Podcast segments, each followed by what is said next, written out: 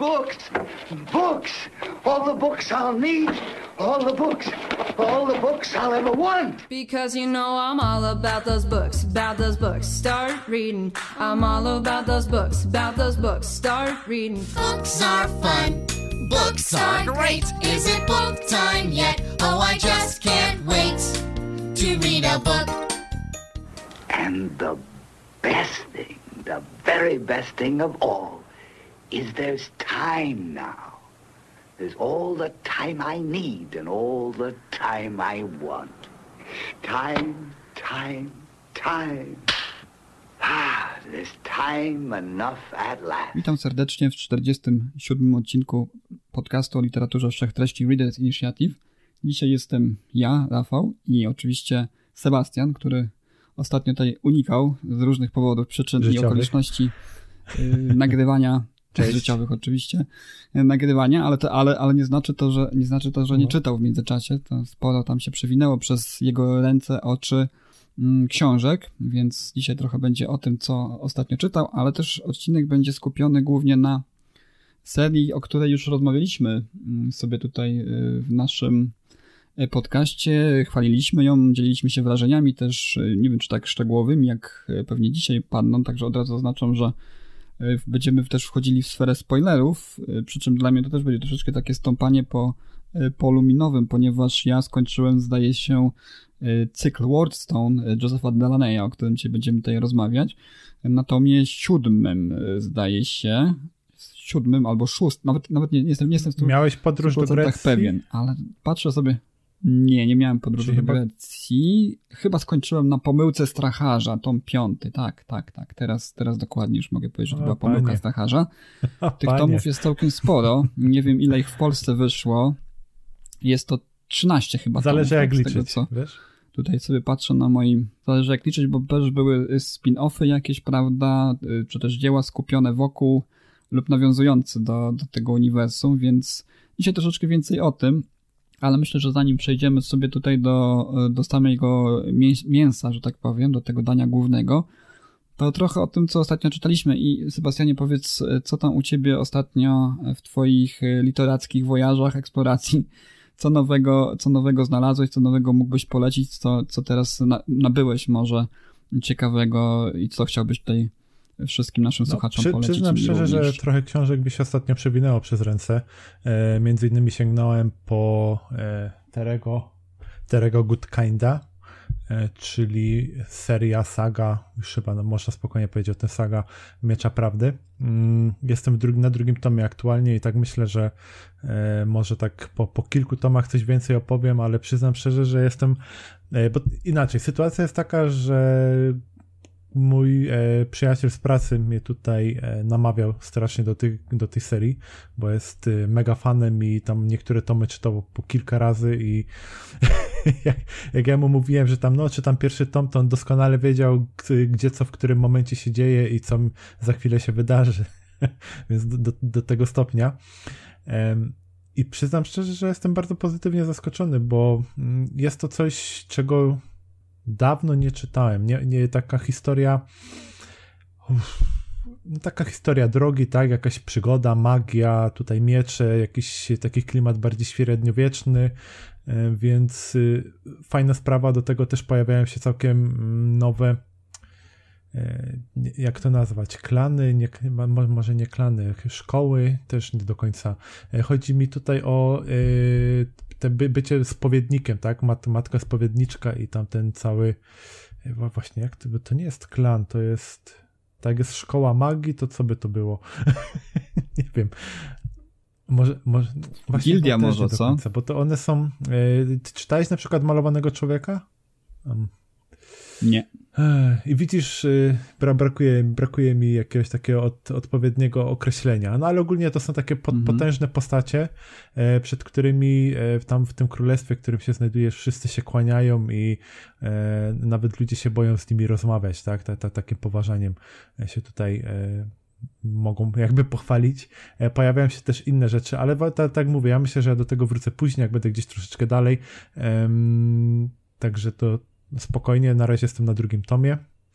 I, a właśnie, ale to, to już mogę nawet w tej chwili powiedzieć, bo bardzo mi się podoba to, że ja zaczynając pierwszy tom i widząc ile tych książek jest w serii, ja myślałem, że to będzie mm, taka trochę rozwleczona jak flaki z olejem historia, że tutaj mamy jakiś główny cel i teraz będziemy się rozdrabniać nie wiadomo jak bardzo, a się, bardzo szybko się okazało, że to jest, tutaj się mylę z tym, bo e, pierwszy tom jest tak naprawdę zamkniętą historią. Jeśli komuś by to nie siadło, do końca, to bez problemu mo może nie sięgać po kolejne tomy, a i tak dostanie mm, jak, jakąś zamkniętą historię, tak? Czyli nie będzie takiego mm, poczucia niedosytu, więc nawet nie wiedząc do końca, co może mnie czekać dalej w kolejnych tomach, mm, to tym chętnie sięgnąłem po drugi tom.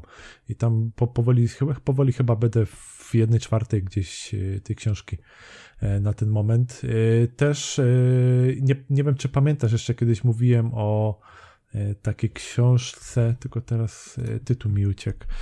E, Droga szamana chyba się to nazywało. Mm, tak, Droga szamana i ja mówiłem o tym, że to jest taki historia napisana, tylko coś takiego jakby przenieść grę MMORPG właśnie na kartki książki przełożyć. I sięgnąłem po drugi, trzeci tom. Czwarty wychodzi jakoś chyba około 10 lutego, czwarty tom. Więc ja myślę, że jak przeczytam ten czwarty, to wtedy powiem trochę więcej na ten temat, ale muszę przyznać szczerze, że wciągnęło mnie to. Ja się nie spodziewałem, że, bo to też o tym gadaliśmy, nie? Czy, czy faktycznie przyjemność może sprawiać czytanie książki, w której masz na przykład opisane, e, jakie masz statystyki, który, który poziom postaci wpiłeś i tak dalej, ale się okazuje, że można to zrobić do takiego stopnia ciekawie, że naprawdę ciężko mi było się oderwać od tej książki. I gdzieś tam każde jakieś takie wolne 5 minut, jak mi się udało gdzieś uszknąć, e, to wsiadałem, łapałem czytnik i czytałem dalej, więc no. Ale to tak jak mówię, do, do tego jeszcze wrócimy. No.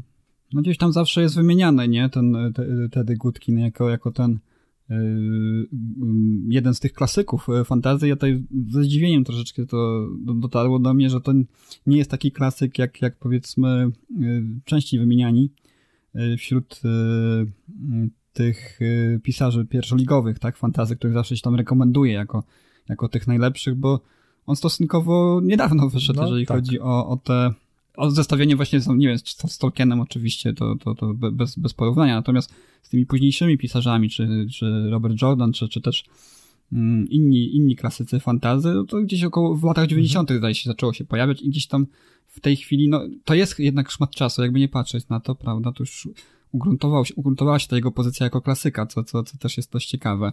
Ja nie wiem, czy to jest, czy nie mylę go właśnie z innym e, twórcą e, fantazy, chyba mm, był też Terry Brooks, zdaje Terry się, Brooks. który tak bardziej tak. humorystycznie tak. podchodził do... Tak, tak, tak. Ja zawsze Gudkina nie czytałem ani jednego, ani drugiego, ale kiedy o nich mowa, jest to zawsze oni mi się gdzieś tam w głowie mylą i teraz tak też myślałem właśnie, kiedy mówiłeś o tym, że nie wspominasz o tym, że to jest takie lekkie z humorem fantazy, a, a to jednak nie jest to. To jest jednak wtedy Goodkin, który był trochę bardziej klasycz, klasyczny, bardziej taki bardziej przywiązany do tego epickiego nie, fantazy. Raczej, tego, raczej bym nie powiedział o tym, że to jest coś z humorem. Właśnie tutaj bardziej bym poszedł w kierunku mm -hmm. te, te, tak powiedzieć, epickiego.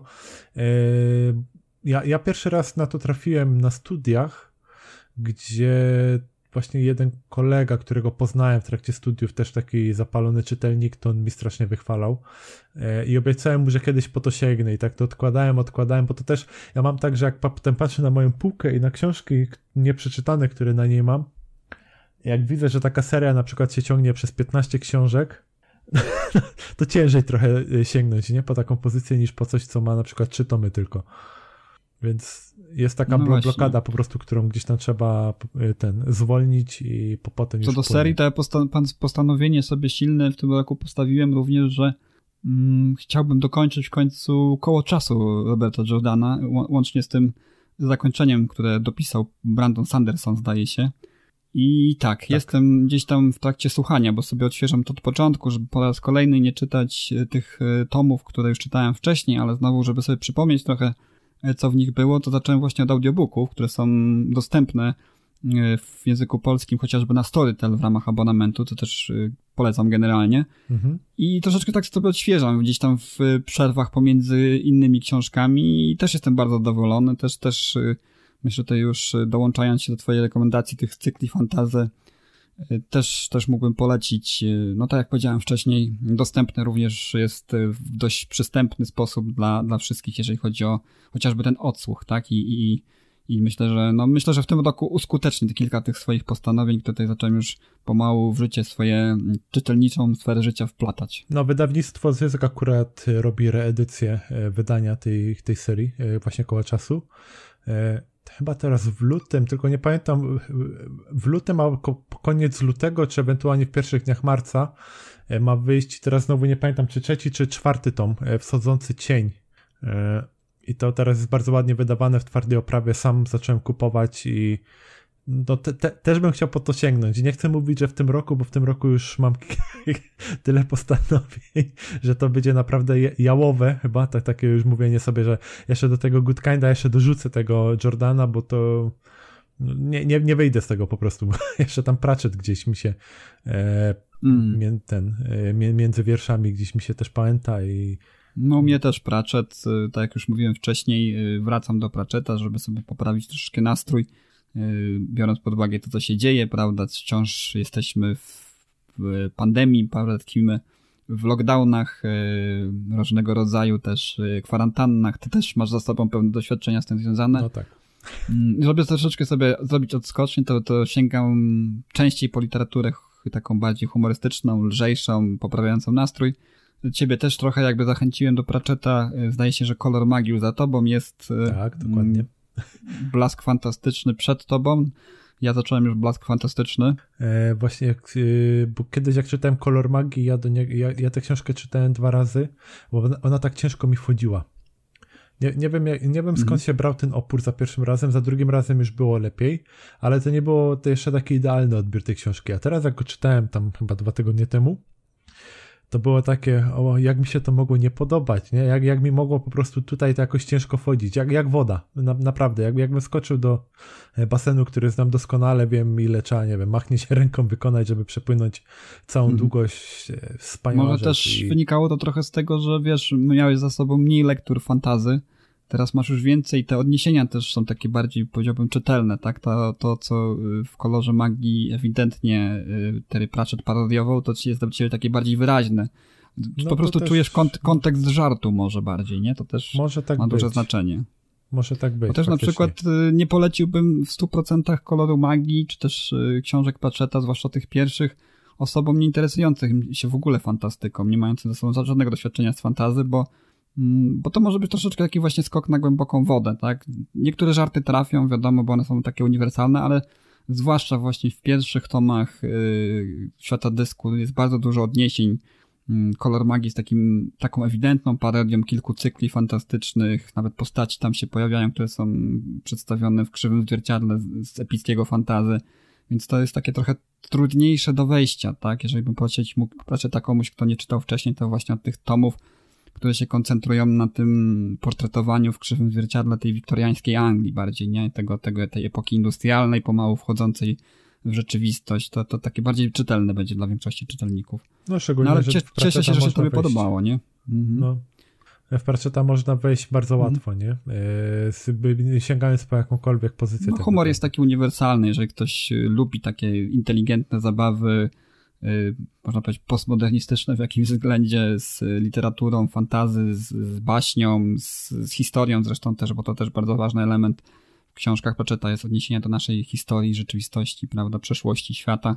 To, to też y, jest bardzo fajna zabawa. No i tak mówię, że dla mnie, dla mnie swego, swego czasu później troszeczkę wyszedłem z tego założenia, bo uważam, że książki tego Pratchetta są dużo, dużo lepsze y, niż na przykład film, do którego chciałem nawiązać, czyli Shrek, prawda? Bo tam też taki kontekst baś, baśniowo y, wykrzywionych właśnie elementów znanych właśnie z literatury fantazy.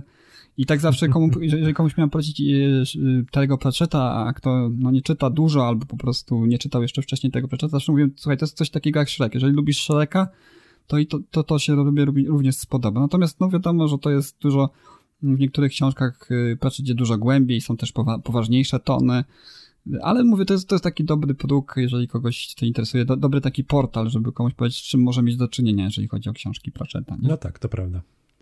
No ogólnie ja myślę, że na pewno wrócimy parę razy do Pratchetta e, w następnych odcinkach, nie? Mm -hmm. ale to tak może po dwa czy naraz tytuły sobie. No jeszcze może, może o blasku fantastycznym na początku powiem, bo, bo e, w kolorze magii uderzyło mnie że ten świat jeszcze nie jest w pełni uformowany, prawda? Ta, ta koncepcja świata dysku postaci, historii, to takie mm, w kolorze magii jeszcze było nie, niepełne, bo dopiero później niektóre postaci zostały zmienione, ich charaktery, ich, ich zachowanie.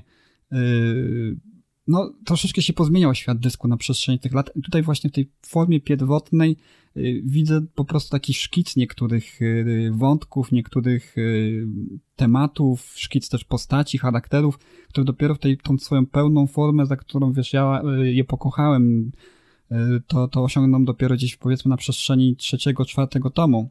Natomiast w mhm. Blasku Fantastycznym, co mnie zaskoczyło ogromnie, pojawiają się takie już zalążki koncepcji, które później Pratchett bardzo ładnie wykorzystał w świecie dysku i na przykład obudował wokół na przykład jednego zdania, czy jednego akapitu, o którym tutaj, y, który tutaj umieszcza na przykład w Blasku Fantastycznym w formie jakiegoś przypisu chociażby, to później budował całe powieści wokół tego i to mnie zaskoczyło, że już te pomysły, które no, można powiedzieć kilkadziesiąt tomów później i no kilkanaście lat później wcielił dopiero w życie w swoich książkach już miały taki, tak, były takim zalążkiem właśnie chociażby w Blasku Fantastycznym. To jest też bardzo ciekawe tutaj odkrywanie tego na nowo, nie? To też y, taka dodatkowa wartość, kiedy się wraca do takiego, takiego długiego cyklu, no, zbudowanego na tak wielu różnych elementach, prawda, które później się dopiero w taką całą składową złożyły fajną. Ten świat żył w jego głowie, nie? Więc y, no, to jest godne tak. podziwu. Dobra, to co, może, mm. bo, bo tak na razie tylko mówię o tym, co czytam i co tam planuję coś więcej mm. powiedzieć w przyszłości, ale może coś konkretnego i w troszeczkę poważniejsze tony uderzymy. Mm. E, mianowicie e, sięgnąłem po jedną z kolejnych książek, które wyszły w ramach e, rebisowego wehikułu czasu. E, książka Jewgenia Zamiat Zamiatina, tak? Mm. rosyjski autor e, pod tytułem My.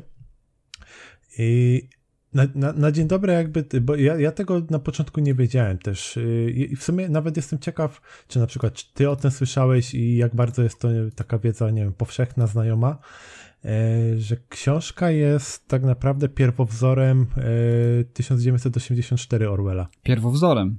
No, można tak to nazwać, e, ponieważ. Czyli napisana została wcześniej, tak? Niż. Książka niż została napisana w, mniej więcej w 1920-1921 mhm. roku. E, z mhm. tego co kojarzę, bo wydana była w 1923. Teraz nie pamiętam dokładnie, bo się tam trochę tam te lata zlewają, e, ale mniej więcej właśnie, no, czyli na długo przed Orwellem i tam też było, teraz nie pamiętam też znowu, czy to było przedsłowie, czy posłowie w tej książce, ale było napisane, że Orwellowi ta książka nie była obca i Aha. że on nawet ją czytał, on ją znał. Czyli mogła, mogła, mogła zainspirować. Nie miałeś na myśli tego, że ona po prostu pojawiła się przed, yy, tyl, tylko się pojawiła przed samym 1984, ale też mogła zainspirować samego Orwella do napisania swojej no, książki. No, tam osoba, która pisała te przed czy posłowie, mhm. E, wysnuwała pewne jakieś takie też założenia, tak? I nawet pamiętam, że czytałem e, jakieś recenzje na Goodreadsach i pamiętam jedna osoba tak, e, tak troszeczkę wylewając żale w e, recenzji pisała Orwell, tam okłamałeś mnie, myślałem, że wymyśliłeś coś świeżego, coś nowego, a się okazuje, że ty to wszystko mm. wziąłeś z tej powieści. Więc, no ale to tutaj tak tylko tak, taka mm, tak, taka jakby, jakby ciekawostka tak na dobrą sprawę. Mhm. No jak twoje wrażenia? Też, też tak uważasz, że, że jest to tak podobne do Orwella, czy, czy, czy też odwrotnie? Mo, może ja ci opowiem mniej więcej o czym jest książka, a ty mhm. sam stwierdzisz, co?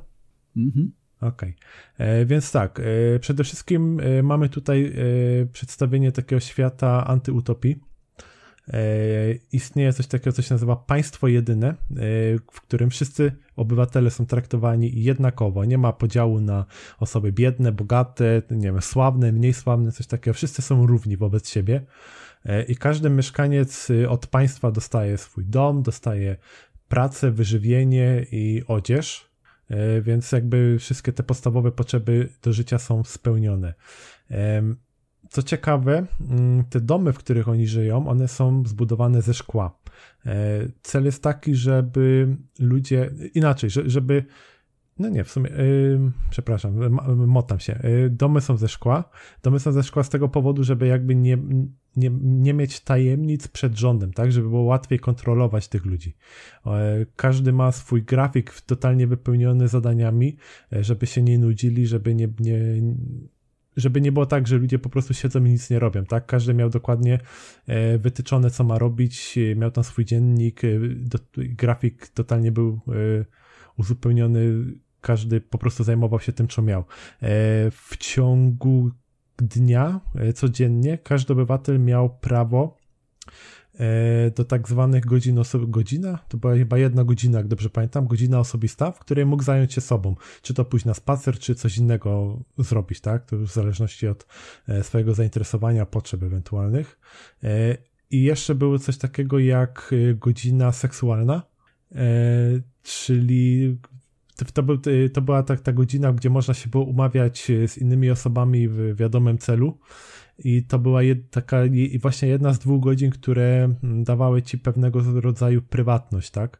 Że to, to był ten moment, kiedy ty będąc w swoim szklanym domu mogłeś zasłonić swoje okna i zająć się tam sobą, czy też partnerem, partnerką. E, każdy też ma przypisanego do siebie partnera, partnerkę. E, to było na zasadzie talonów, że oni przynosili talony i on tam e, jakby je używali, tak? I potem mogli mm, no, zajmować się sobą. E, tutaj tak naokoło trochę idę. I co dalej? W sumie, bo chwila, bo nie, nie chcę wchodzić jeszcze tak do końca w fabuły, tylko w jakieś założenia. E, chociaż nie, myślę, że to z tych najważniejszych na ten moment powiedziałem, czyli jak ten świat jest mniej więcej zbudowany. E, jeszcze jest jedna rzecz, że nad nimi wszystkimi jest ta właśnie jedna osoba panująca, która się nazywa Dobroczyńca. E, on jest tym e, panem, władcą, zwał jak zwał. E, dobra, i tak, poznajemy głównego bohatera. On się nazywa Delta 503. Mm, poznajemy go w momencie, jak on zaczyna pisać pamiętnik. Tymże pamiętnikiem jest właśnie ta książka pod tytułem My. I jest to pieśń pochwalna mm, ku chwale mm, państwa jedynego, ku chwale dobroczyńcy, ponieważ y, to też jakby on zaczyna pisać ten pamiętnik około 4 miesiące przed e, zbudowaniem i wystrzeleniem e, statku kosmicznego, który się nazywał Integral. E, I ten osobnik też, właśnie ten Delta 503, on jest y, pierwszym konstruktorem, czyli on też jakby bierze udział w budowie tego promu kosmicznego, który ma zostać wystrzelony w kosmos. No i że jakby ten dzień nadchodzi tego wystrzelenia, tak, będzie chwalebny dzień dla tego państwa jedynego, to e, zostało przykazane każdemu, żeby napisał jakąś pieśń pochwalną. No i ten pamiętnik jest y, właśnie y, pomysłem tego naszego głównego bohatera. E, Delta 503 jest obywatelem, który jest zakochany w tym swoim państwie, zakochany w tych mechanizmach, jak to wszystko działa. E, I jakby ktoś mu mówił o tych to, te, te, te, jakby to, co dzisiaj mamy, tak? Tam chociażby demokracja, czy inne ustroje polityczne, e, jak ktoś o tym wspomina, albo jak on sam o tym pisze tak od siebie, to on mówi, jakie to wszystko było dziecinne, jakie to wszystko było niedopracowane, jak to w ogóle nie miało sensu, tak? A teraz te państwo jedyne jest po prostu idealne, że nie, nie da się tego lepiej zrobić, niż jest w tej chwili. I żyje z takim przekonaniem tak naprawdę, dopóki nie poznaje kobiety, e, która się nazywała i 330. No i w momencie, jak ona wchodzi w jego życie, się w nim pojawia, e, jego światopogląd też w pewnym sensie zaczyna się zmieniać. No i później już tam dochodzi do wielu e, wydarzeń, o których może nie będę mówić, jakby e, w tym miejscu jakbym chciał się zatrzymać z fabułą, żeby raczej zachęcić kogoś do sięgnięcia po pozycję, bo ona ma około 200 stron, więc jakby nawet nie jest jakoś szczególnie obszerna, bardzo szybko się czyta i myślę, że każdy e, zainteresowany taką tematyką na pewno spędzi dobrze czas po prostu przy tej książce. E, jeszcze a propos problematyki, która jest tutaj poruszana, bo mm, jakby nie, nie można e, powiedzieć, że tak nie jest, patrząc po tych przezroczystych domach, czy wypełnianiu grafików wszystkim ludziom, tak, i te, taki, te, temu takiemu światu totalitarnemu można popatrzeć na to też z tej strony, że jest jakieś zagrożenie wolności, tak, że nie ma takiego czegoś jak indywidualizm. Wszyscy są po prostu trybikiem e, wielkiej machiny, którą jest e, państwo jedyne. I właśnie, też sama książka, ona się nazywa My, ponieważ e, w tym terminie i w całej tej powieści, w tym państwie nie ma takiego terminu jak ja. Jesteśmy my, tak? My jako wspólnota. no i jest takie założenie, tak, że oni rezygnują z tej wolności umyślnie, bo oni chcą być szczęśliwi. Oni wierzą w to, że to jak, że oni zrezygnują z bycia wolnym człowiekiem i nie wiem, te, do tego indywidualizmu, to ty, dzięki temu, że oni z tego zrezygnują, to nie będą szczęśliwi ci mieszkańcy, ci ludzie. I jeszcze jest taka jedna fajna, e, taki jeden fajny motyw, który się pojawia w tej książce. E, on się nazywał bodajże Dzień Jednomyślności. Mm, I Dzień Jednomyślności to był dzień wyborów. E, co było tak e, zabawnie, bo to było jednomyślności wyborów, tak, ale tak naprawdę wyboru żadnego nie było, bo to było coś na zasadzie, że wszyscy się spotykają, wszyscy mieszkańcy w ogóle, nie, nie było czegoś takiego, że ktoś się nie może e, postawić na, mm, na wyborach i było po prostu rzucane pytanie w tłum, kto jest za tym, żeby dobroczyńca dalej panował, tak, przez kolejny rok. Wszyscy się zgłaszali i nie było żadnego sprzeciwu, czyli to była taka czysta formalność. E, też takie, no, takie pokazanie, tak jak, e, jak ktoś kiedyś świat widział, jak ten świat, nie wiem, gdzieś może, może wyglądać e, cokolwiek, tak? Tylko, że to też nie jest tak, że ktoś jest do tego zmuszany, tylko ludzie też w to mocno wierzyli. No i co no, powiesz? Jak brzmi, brzmi jak coś z, z Orwella, nie? A, mm, właśnie. Tylko, że dużo, dużo, jest, dużo jest podobieństw. Z tego, co mówiłeś, to wydaje mi się, że nie wiem, czy to jest coś, co Orwell dodał od siebie, ale już dawno nie czytałem 1984, ale wydaje mi się, że tutaj książka Orwella jest taka bardziej, mimo tego, że ona opisuje no, hipotetyczną przyszłość, no już naszą przeszłość niejako, biorąc pod uwagę datę, ale jest chyba u Orwella było to bardziej zaszczepione w, w takim kontekście geopolitycznym, bo tam wydaje mi się, że państwa były Y, te, które znamy, wymienione, y, mniej więcej jak, jak, jak to się wszystko rozegrało w tym świecie, jak to się, te mhm. zmiany geopolityczne, jakie zaszły, y, Orwell tam opisywał.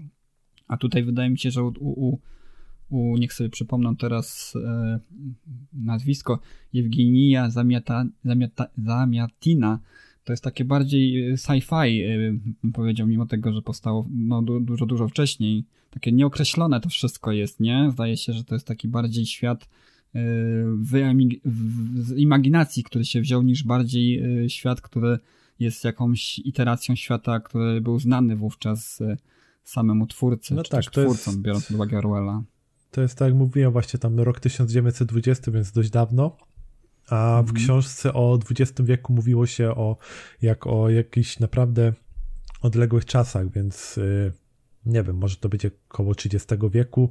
Tam nie, nie jest to dokładnie określone, jest tylko powiedziane, że tam była jakaś mm, dwustuletnia wielka wojna i mhm. po niej powstało państwo jedyne, więc y, minimum XXI wiek, tak, ale e, skoro tam jest jakiś, bo tam też było muzeum stworzone dla potomnych, e, właśnie muzeum E, które pokazywało historię tego XX wieku, tak, żeby też pokazać, e, czy to, jak to kiedyś wyglądało i że my teraz mamy lepiej. E, takie przekonanie gdzieś tam w ludziach może to wywoływało.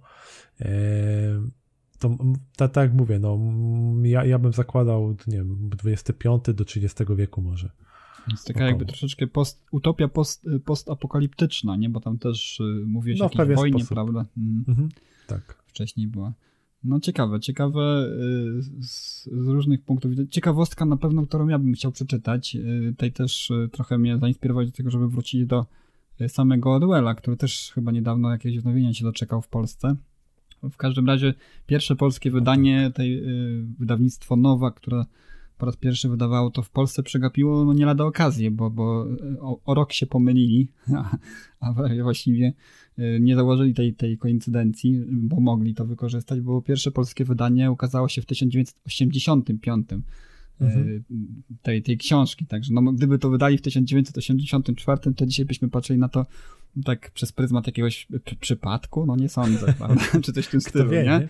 Tak. Byłoby to fajne, nie? Takie, takie, takie troszeczkę creepy, ale gdzieś tam to wszystko by się tutaj zazębiało, prawda? Orwell od Zamiata, Zamiatina, Zamiatin od Orwella trochę i tak by się wymieszało to w polskim wydaniu. W mhm. każdym razie ja jestem zachęcony. Jest też książka dostępna, chyba jak wszystkie z, z tej serii Merbisowskiej, jest też chyba dostępna w e-booku, także ja sobie tak. na nabędę.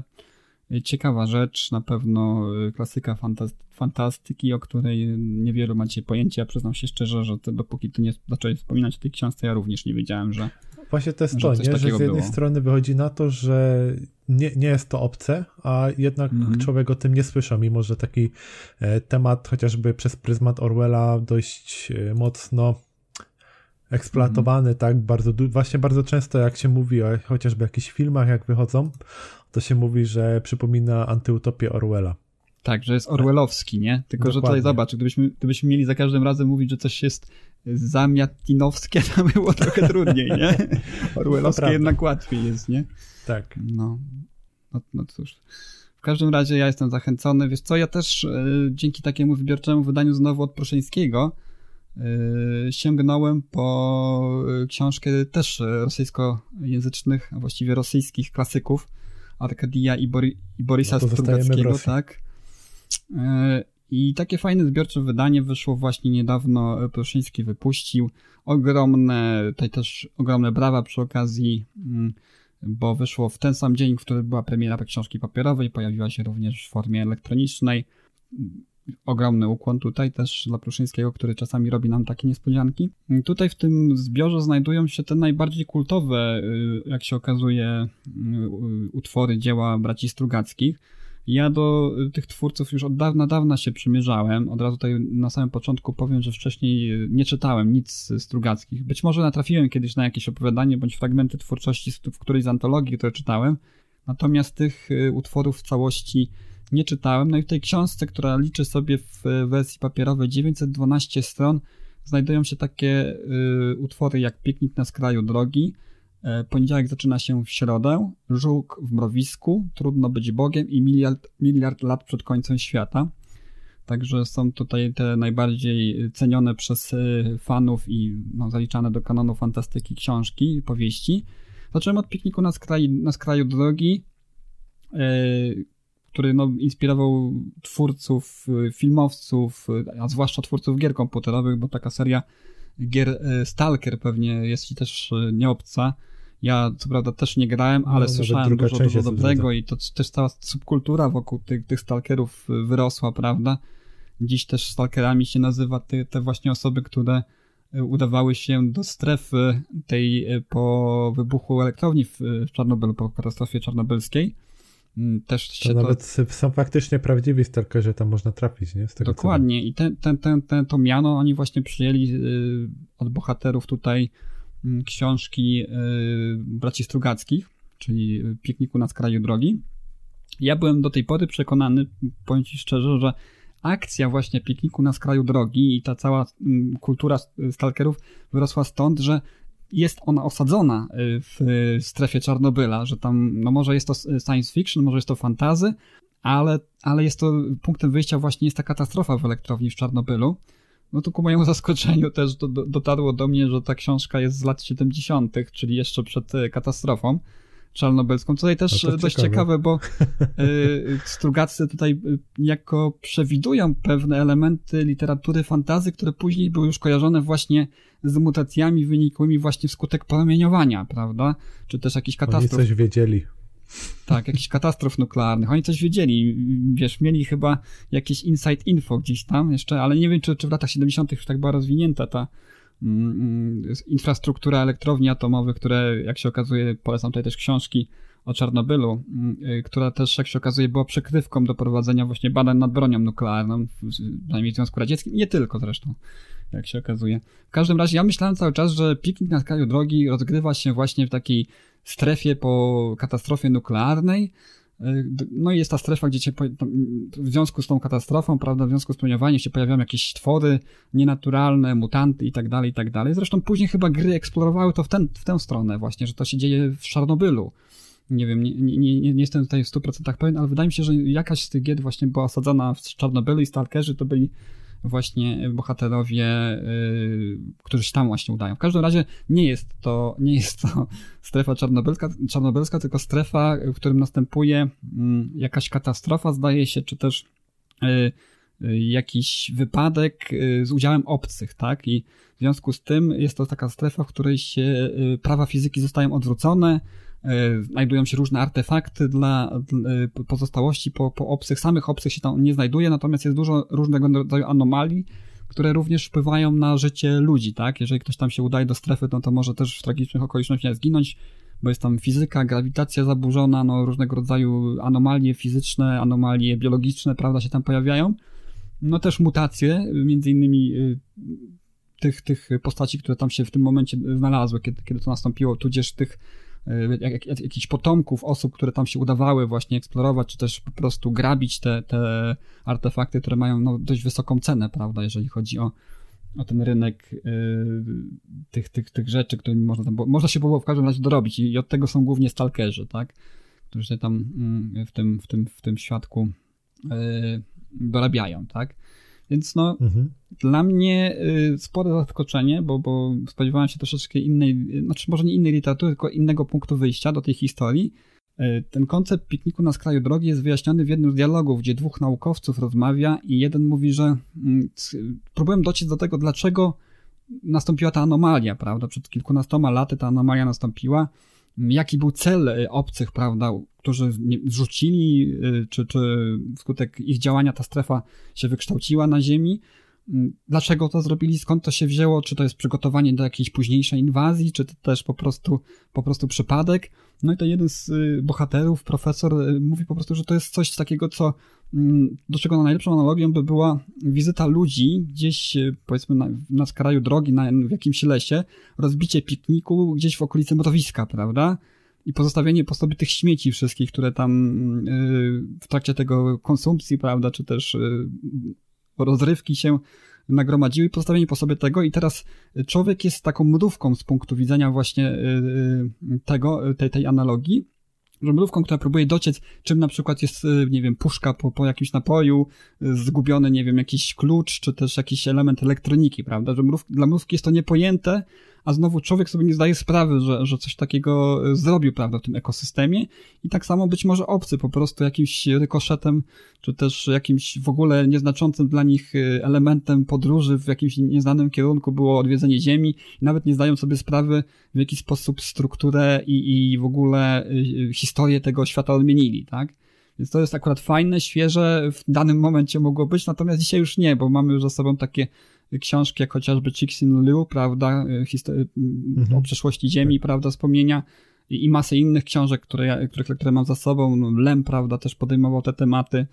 Więc to, to nie jest dla mnie odkrywcze, ale tutaj też y, zgadzam się z tym, że, że można tę książkę uznawać za klasyk y, fantastyki i że późniejsi twórcy być może też wzorowali się na to, tak jak właśnie twój Zamiatin się wzorował, znaczy jak Orwell się na Zamiataninie wzorował, tak samo być może późniejsi twórcy wykorzystywali ten koncept pikniku na skraju drogi i obudowując właśnie swoimi jakimiś powiedzmy fabułami czy, czy historiami. No przyznam ci, że tak się zastanawiam, jak na przykład jest to całe e, ta fabryczna zona z fabryki słów. E, tam -hmm. jest właśnie tyle, tyle tych książek te, około tych stalkerowych tak naprawdę. To czy którykolwiek z tych autorów e, czytał Strugackich i to, o czym opowiadasz? No też y, Metro na przykład, tam... tak? Całe uniwersum no, Metra, tak, tak, to tak. też miałem takie déjà vu. Tylko Metro jest dużo, dużo bardziej rozrywkową y, książką, natomiast y, powiedziałbym, że y, w przypadku y, pikniku y, na skraju drogi jest to coś takiego bardziej filozoficznego troszeczkę, prawda? Bardzo głęboko w psychikę bohaterów tu się wchodzi. No, jednym z głównych jest Red Stalker, który też przeżywa swoje rozterki, prawda? z jednej strony wie, że praca Stalkera y, i wykonywanie jej dla różnych podmiotów, dla różnych ludzi, bo on i też dla, dla jakichś tam powiedzmy instytucji państwowych się tam wcześniej nie udawał do tej strefy, później już zaczął to po prostu robić dla pieniędzy, później też mhm. dla nauki jakoś tam to sobie uzasadniał, że, że jakiś naukowcy prowadzi. No i przeważnie mm, ci ludzie, których tam prowadził, źle kończyli i on też był tym obciążony troszeczkę, że jednak nie, nie miał w sobie na tyle siły, prawda, żeby im odmówić tego, tak? A jako, że był jednym z najlepszych mhm. stalkerów, to bardzo wiele razy się do niego zwracano właśnie o tego rodzaju pomoc, chociaż on wiedział, że to się może skończyć e, dramatycznie, tak? Więc y, dużo takiej introwersji jest w tej książce, rozmów, dialogów, one są same w sobie ciekawe, one są naprawdę dobrze napisane i to już samo, samo w sobie się dobrze czyta, bo ta książka jest naprawdę dobrze napisana. Natomiast koncepcyjnie tutaj powiedziałbym mm, i też fabularnie troszeczkę bez zaskoczeń jest, tak? To nie jest y, taki klasyk, który by mnie powalił i bym powiedział, o Boże, jak ja mogłem tego wcześniej nie znać, nie? Jak ja mogłem tej książki wcześniej nie czytać. No nie jest to coś takiego. Na pewno jest to coś, z czym warto się zapoznać, chociażby z takiego obowiązku fana y, literatury science fiction. Natomiast no nie jest to coś, co by mój jakiś, nie wiem, światopogląd zmieniło na to, y, jak ja widzę dzisiaj literaturę fantazy i jak ja sobie placuję poszczególnych twórców. Na pewno tą powieścią i po przeczytaniu tej powieści nie, nie wywinduję tych, tych braci Strugackich jako jednych z moich ulubionych y, twórców. Nie? To jest po prostu taka wiedza, którą warto znać, nie? Znaczy, tak, no to Mhm. dokładnie. Nie, nie, że musisz, ale warto znać. E, jeśli czasami chce się poznać jakiś e, origin. No, no jestem ciekaw, E, może jak kiedyś ty przeczytasz, y, to, to, to jak jest, jakie będą twoje wrażenia. No i też jestem ciekaw, jak kolejne tutaj nowele z tego tomu mi wejdą, bo tutaj już Michał polecał, mówił, że przenośne drzwi Toma Holta są bardzo podobne do, do powieści y, Poniedziałek zaczyna się w środę, zdaje się, więc y, jeżeli Mhm. tak, no to będzie to raczej takie humorystyczne fantazy, urban fantazy. Jestem ciekaw, jak, jak to mi wejdzie. Może tutaj coś e, ciekawego i bardziej, powiedziałbym, w zestawieniu z tym, co czytałem nawet późniejszych twórców, bardziej oryginalnego mi się wyda. No nie? to się zobaczy. Ja zamówiłem już w wersji, w wersji papierowej książkę i no czekam, aż przyjdzie i się już, jak tak teraz opowiadasz, to też się To zastanawiam. może gdzie co, ją teraz wcisnąć. przejdziemy sobie tego Wordstone. Ja tu tak y, gwoli, gwoli zajawienia, to, to powiem jeszcze tylko tyle o Wordstone, że, że Do mięska. no pewnie się powtórzę odnośnie tego, co już wcześniej mówiłem, y, że to jest taka literatura, która mi się bardzo spodobała z tego powodu, że mm, ten wątek główny, który przewija się od samego początku, mamy tutaj pewną oś fabularną, która do czegoś prowadzi. W każdym tomie dowiadujemy się więcej, prawda, o tym uniwersum, o bohaterach, o ich motywacjach, ale oprócz tego każdy tom stanowi taką intensywną, yy, intensywne przeżycie i taki, taki, taką całość, tak? Czyli ma swój początek, e, środek i kulminację, czyli w zasadzie czytanie każdego tomu jest takim pełnym doświadczeniem, prawda? Że to nie jest taki kolejny odcinek serialu, po którym y, nadal nie wiemy nic, ale po prostu samą satysfakcję czerpiemy z tych poszczególnych fabuł, nie? Więc to, to, to nas urzekło, o, czym- o czym już zresztą mówiliśmy i w naszym podcaście, i chyba y, z Piotrem kiedyś rozmawialiśmy troszeczkę o tym. Tak. Więc to jest y, coś, co y, bardzo niewiele twórców robi dobrze w tej chwili, tak? No bo albo jest ta fabuła bardzo tak, ta ogólna fabuła, ta, ta spajająca wszystkie tomy, albo tak nieumiejętnie prowadzona i, i odwlekana do nie wiadomo kiedy, albo po prostu te poszczególne fabuły, poszczególnych tomów są takie, no nieciekawe i podporządkowane właśnie tej osi głównej, żeby tylko tę serialowość jak najdłużej ciągnąć, tak? Żeby no mówiąc po prostu, żeby, żeby ciągnąć zyski ze, ze sprzedaży kolejnych tomów. Tutaj u, u, u Dylana ja tego nie ma. U Delaney ma to wszystko w głowie, jak, jak widać, po, uporządkowane.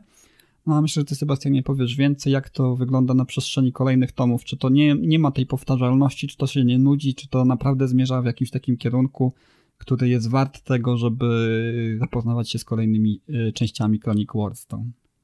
Dokładnie. E, ogólnie postanowiłem w końcu usiąść i przeczytać serię do końca, bo mm, wtedy tam chyba na siódmym tomie się zatrzymałem, później bodajże po dziewiątym, chyba po Grimalkin znowu sobie zrobiłem przerwę i teraz w tym okresie takim e, bożonarodzeniowym e, tak połykałem sobie po, po, jednym tomie dziennie na, tak naprawdę i chciałbym też jakby ty, tymi słowami tutaj, które, to, znaczy tym, co zaraz będziemy też rozmawiać, e, tak taką kokardkę po prostu na tym wszystkim zawinąć i podsumować e, to, co udało mi się przeżyć.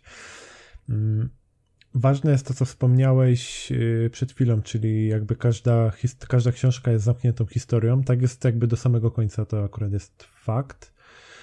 Jednak im bliżej jesteśmy tego końca, tego 13 tomu, to ten e, taki główny wątek, który gdzieś tam się właśnie dzieje na przestrzeni wszystkich 13 tomów, on coraz bardziej się zagęszcza i zagęszcza, tak? Czyli jest coraz bardziej skupiony właśnie wokół tego niż e, wokół jakiejś takiej zamknię- mniejszej historii po prostu, która się dzieje dookoła. No, ale y, tak, tak się zastanawiam, czy w ogóle jeszcze przypominać, y, może dla osób, które nie słyszały prędzej o stracharzu, o co właściwie chodzi, y, że dostajemy. y, dostajemy serię 13 książek, e, gdzie głównym bohaterem jest Thomas Ward, e, siódmy syn siódmego syna. E, to, że jest siódmym synem siódmego syna sprawia, że ma pewne wyjątkowe umiejętności pozwalające mu zostać stracharzem, czyli człowiekiem, który może walczyć ze złem i z, jakby z tak zwanym mrokiem, czyli jakby z potworami, które z tego mroku przychodzą.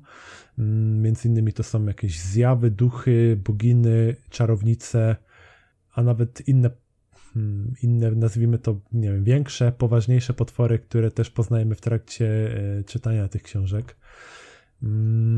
I co jest ważne, bo to jest tak, to jest te 13 tomów, ale tak naprawdę to nie jest y, całość Kronik e, Wardstone, bo później jest jeszcze trylogia, która się nazywa Kroniki Gwiezdnej Klingi i to jest y, no to jest w sumie kontynuacja tego, co się dzieje. Nie, nie, nie, bezpośrednia kontynuacja tego głównego wątku tutaj, ale jest kontynuacją wydarzeń, które, y, którymi też zamykamy ten 13 ksiąg. I z tego, co ostatnio z Piotrem, yy, znaczy w sumie Piotr odkrył, ja później jeszcze też to sprawdziłem z ciekawości, yy, to dwie albo trzy kolejne książki są napisane jako znowu oddzielna jakaś miniseria, ale też powiązana z, znaczy te, te, też ma w tytule The Spook, nie? Więc podejrzewam, że to będzie jakoś powiązane, ale jeszcze nie wiem w jakim stopniu, tego jeszcze nie sprawdzałem. Czekam, mam nadzieję, że też może zostanie wydane w Polsce. No, ale co do, jeszcze wracając do tego stracharza, do tego fachu, tak, e, tam od samego początku było mówione, że ten fach stracharza jest tak. Yy, skazuje osobę, która zostaje tym stracharzem na samotność, yy, ponieważ ludzie się z nimi boją rozmawiać, bo nie mają te swoje jakieś nadprzyrodzone umiejętności, ludzie się ich boją, nie wiedzą. Po jakby nie znając magii, też jej się boisz automatycznie, tak? Może yy, trochę, trochę inaczej niż do yy, Good Kinda, ale to do, do tego jeszcze kiedyś wrócimy. I mam wrażenie, tak po przeczytaniu całości, to właśnie mam wrażenie, że do samego końca w jakiś sposób e, Joseph Delaney stara się pokazać tą taką samotność tego stracharza, tak? Bo mimo, że Thomas e, przez te wszystkie tomy ma raz, że ma swoją rodzinę, że ma tam kochającego ojca, matkę, że ma e, sześciu braci, że poznaje też tam swojego mistrza, innych uczniów swojego mistrza i później jeszcze wielu innych sojuszników, e, którzy stają e, razem z nim e, do walki ze złem. Mm, to mimo wszystko, koniec końców, tak jak, jak chodzi mi o to, że jak już dotarłem do samego końca tego ostatniego tomu, to miałem takie wrażenie, że on, że to jest faktycznie taka samotność, tak, że mimo że to nie jest tak widoczne w każdym oddzielnym tomie, jak się o tym czyta, że tutaj zawsze jest to wypełnione tymi postaciami wszystkimi, e, to jednak koniec końców on jest y, zdany tylko na siebie i w sumie jest takim swoim najlepszym przyjacielem w jakiś sposób. Wiem, że to trochę dziwnie i śmiesznie brzmi, ale ta, ta, takie przynajmniej wrażenie odniosłem, tak? Bo e, co też tutaj wa, warto nadmienić, mimo że to jest seria młodzieżowa, z tego co sprawdzałem, na Amazonie na przykład pisze, że to jest tak dla dzieci w wieku 9 do 13-14 lat e, przeznaczone. E, gdzie indziej też czytałem, że powyżej 10, bo seria jest naznaczona wieloma. Mm, zabójstwami, morderstwami, śmierciami, tak, y, scenami walk i tym podobnych, więc y, no może jakaś taka, nie wiem, y, oswo znaczy oswoić, żeby, żeby dziecko było może w jakiś sposób przygotowane, tak? To jest takie bardziej tak, dla, dla, nastolatków, bym powiedział, nie? No, nie niż dla dzieci. No. To jest takie, Dokładnie. taka seria, która, wiesz, jeżeli dziecko powiedzmy 10, no 8, 10-letnie ma za sobą Harry Pottera i później sobie czyta tego Harry Pottera i dojdzie do ostatniego tomu Harry Pottera, załóżmy po dwóch latach, tak, załóżmy przy, przykładowo, no to wtedy jest ten mhm. okres, 12-13-latkowie mogą sięgnąć po, po właśnie Kroniki Wardstone. Myślę, wydaje, że to będzie idealna lektura do polecenia dzieci, które wyrosły na młodzież, która wyrosła na Harry Potterze, o tak, tak bym powiedział. Więc, więc to, jest, to jest chyba no tak. taka najlepsza rekomendacja na tę chwilę. Bo dzieciom bym tego raczej nie polecał. Jeżeli to jest ośmio powiedzmy 7, 8, 9, 10 latek, to, to wydaje mi się, że jeszcze za wcześnie Może być, bo to jest taki horror, to faktycznie też dużo się takich e, z perspektywy 10-latka mi się wydaje straszniejszych rzeczy dzieje, więc, więc może tak jak ty mówisz, takie właśnie nastolatki, co już e, urosły na tym Harry Potterze. To, to w sumie tak całkiem fajnie, e, taki fajny moment, żeby wejść. E, z tego co kojarzę, Piotr e, przeczytał dziewiąty tom, który się nazywa Jestem Grimalkin. I właśnie, bo mhm. od pewnego momentu, czyli od tego dziewiątego tomu, są trzy książki, które tak naprawdę w ogóle nie skupiają się wokół Toma i nawet nie jest bohaterem tych książek, tylko no się wokół... odskocznia, prawda? Takie, takie tak. przejście troszeczkę z innego punktu widzenia do tego uniwersum, nie?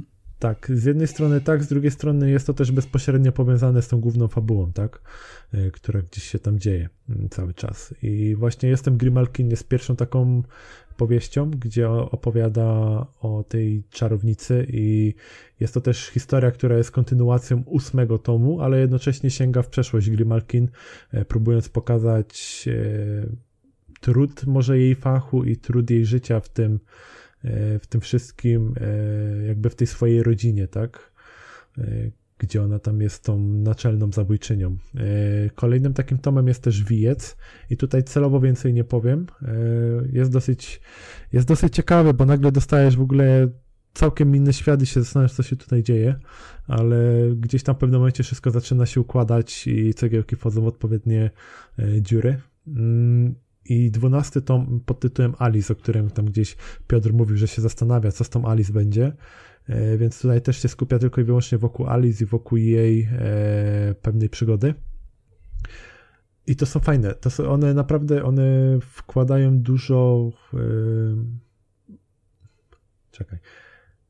Jeszcze raz to, to są bardzo ciekawe historie, bo one dokładają do tego głównego wątku, mimo że nie ma Toma, tak, gdzie Tom już e, szykuje się, już pra praktycznie jest na tej ostatniej prostej przed e, tą walką ze złym, tak, tym takim najważniejszym złem, który tam po prostu czeka, także to nie, nie są te boginy, nie są czarownicy, tylko jest ten Bóg, którego te wszystkie e, potwory z mroku gdzieś tam są jego sługami. I ten zły, który po prostu czeka na powrót na ziemię i jakby takiego wprowadzenia ery mroku, tak, coś takiego. E, I tutaj Tomasz już, się, już jest po prostu na tej ostatniej prostej do walki z tym złem, tak, że szukanie sposobu pokonania go i żeby znaleźć ten sposób, no to też po prostu e, potrzebne są in, po, jest pomoc, potrzebna pomoc innych sojuszników i to jest właśnie ciekawe, tak, bo od samego początku nawet jak ty czytasz, ty pamiętasz, że e, mistrz e, Toma cały czas mówił, że bratanie się ze złem jest takie, e, no nie do końca go przekonuje, że tutaj nie powinien się przyjaźnić z Alice, bo ona jest czarownicą, mm -hmm. tak, tak samo Grimalkin, ona też jest czarownicą, a mimo to zostają sojusznikami w pewnym momencie i walczą bok e, ramię Ja bardzo lubię ten, ten element zawsze w literaturze, w filmie, gdzie wiesz, e, ci zaprzysięgli, zaprzysięgli wrogowie muszą na pewien czas chociażby połączyć siły, prawda? I ten kontrast właśnie tych interesów, mimo że no. interesy są rozbieżne, to, to osiągnięcie wspólnego właśnie. celu łączy się z tymi no, dwoma ścieżkami niejako, tak? Zawsze, zawsze ten motyw lubię i tu przyznaję, że do momentu, mhm. kiedy ja dotarłem, czyli to jest tom piąty, to mi się bardzo podobał, tak? Bo chyba Grimalki zdaje się tak na dobrą sprawę pojawia się w piątym tomie, tak?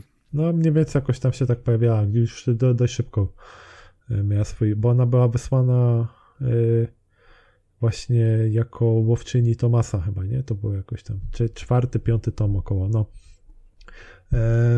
I tutaj też znowu takie mm, do zastanowienia się pojawia, bo yy, ten mistrz Tomasa, cały czas jakby naciska na to, żeby nie bratać się ze złem, żeby walczyć ze złem, ale koniec końców, y, jak już y, gdzieś tam wszystko się rozwiązuje, to jednak można wyciągnąć taki wniosek, że zło nie zawsze jest do końca złe.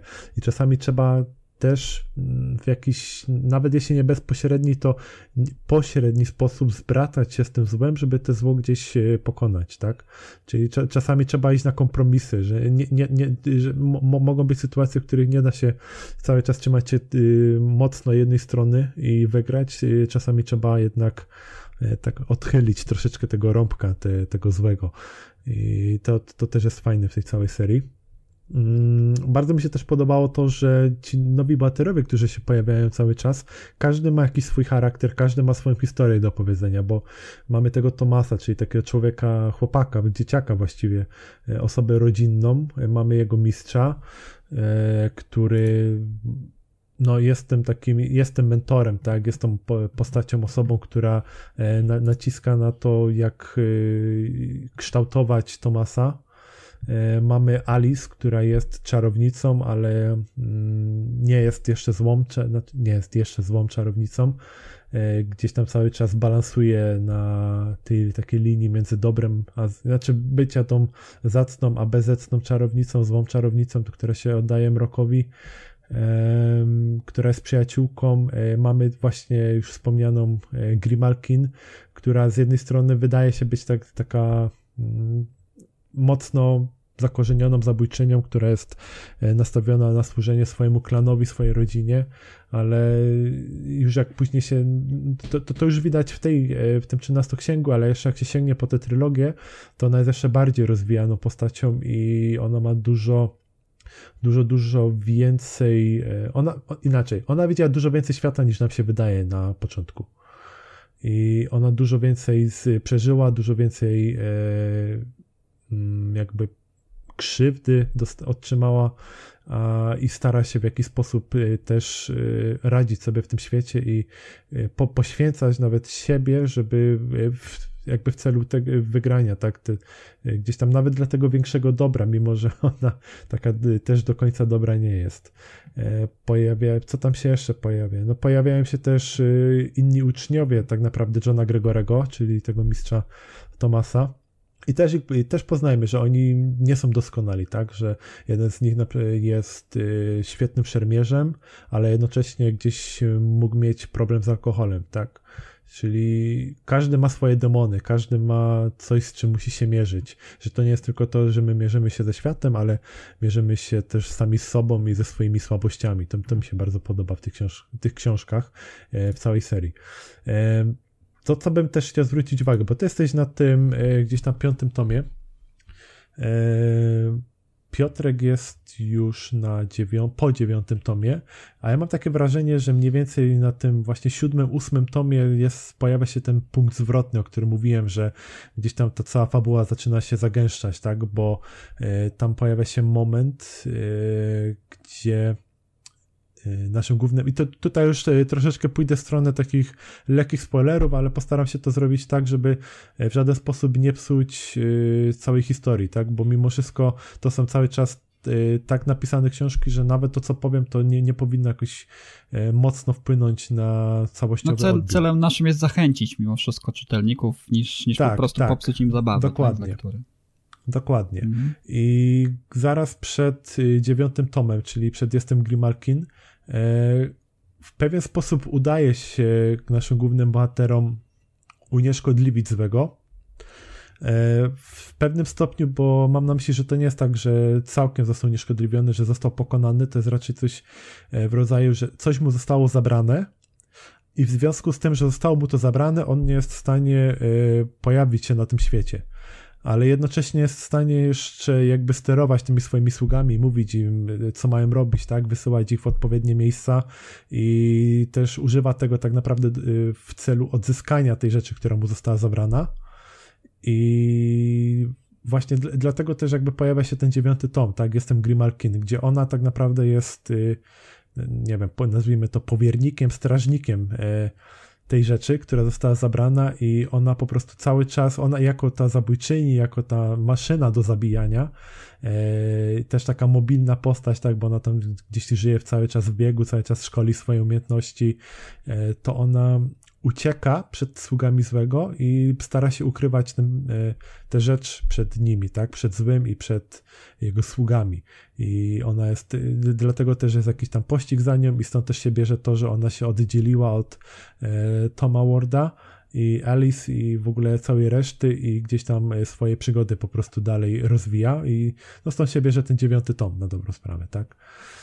E, i od tego momentu, jak zostaje zabrana ta rzecz złemu, e, to wszystko już się kręci wokół tego, tak? Czyli już aż do, do, do ostatniego tomu, gdzie, jak się okazuje, ten ostatni tom, nawet jeśli jest zamknięciem tego 13 księgu, to on totalnie nie jest zamknięciem e, całej serii. On jest y, otwarciem On jest taką furtką do tego, co się dzieje w tej kolejnej trylogii.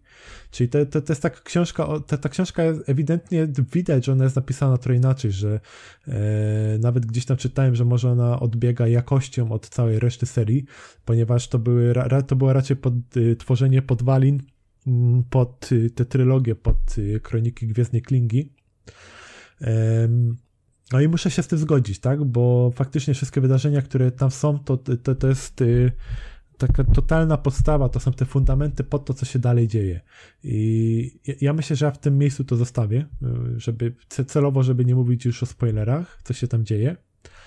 Ale ta trylogia Kroniki Gwiezdnej Klingi też już przeczytałem i tam się okazuje, że jest to początek nowego zagrożenia, którego jeszcze tak y, Tom do końca nie rozumie i historia przenosi nas tak naprawdę jeden rok do przodu, jak dobrze pamiętam, rok czy około rok.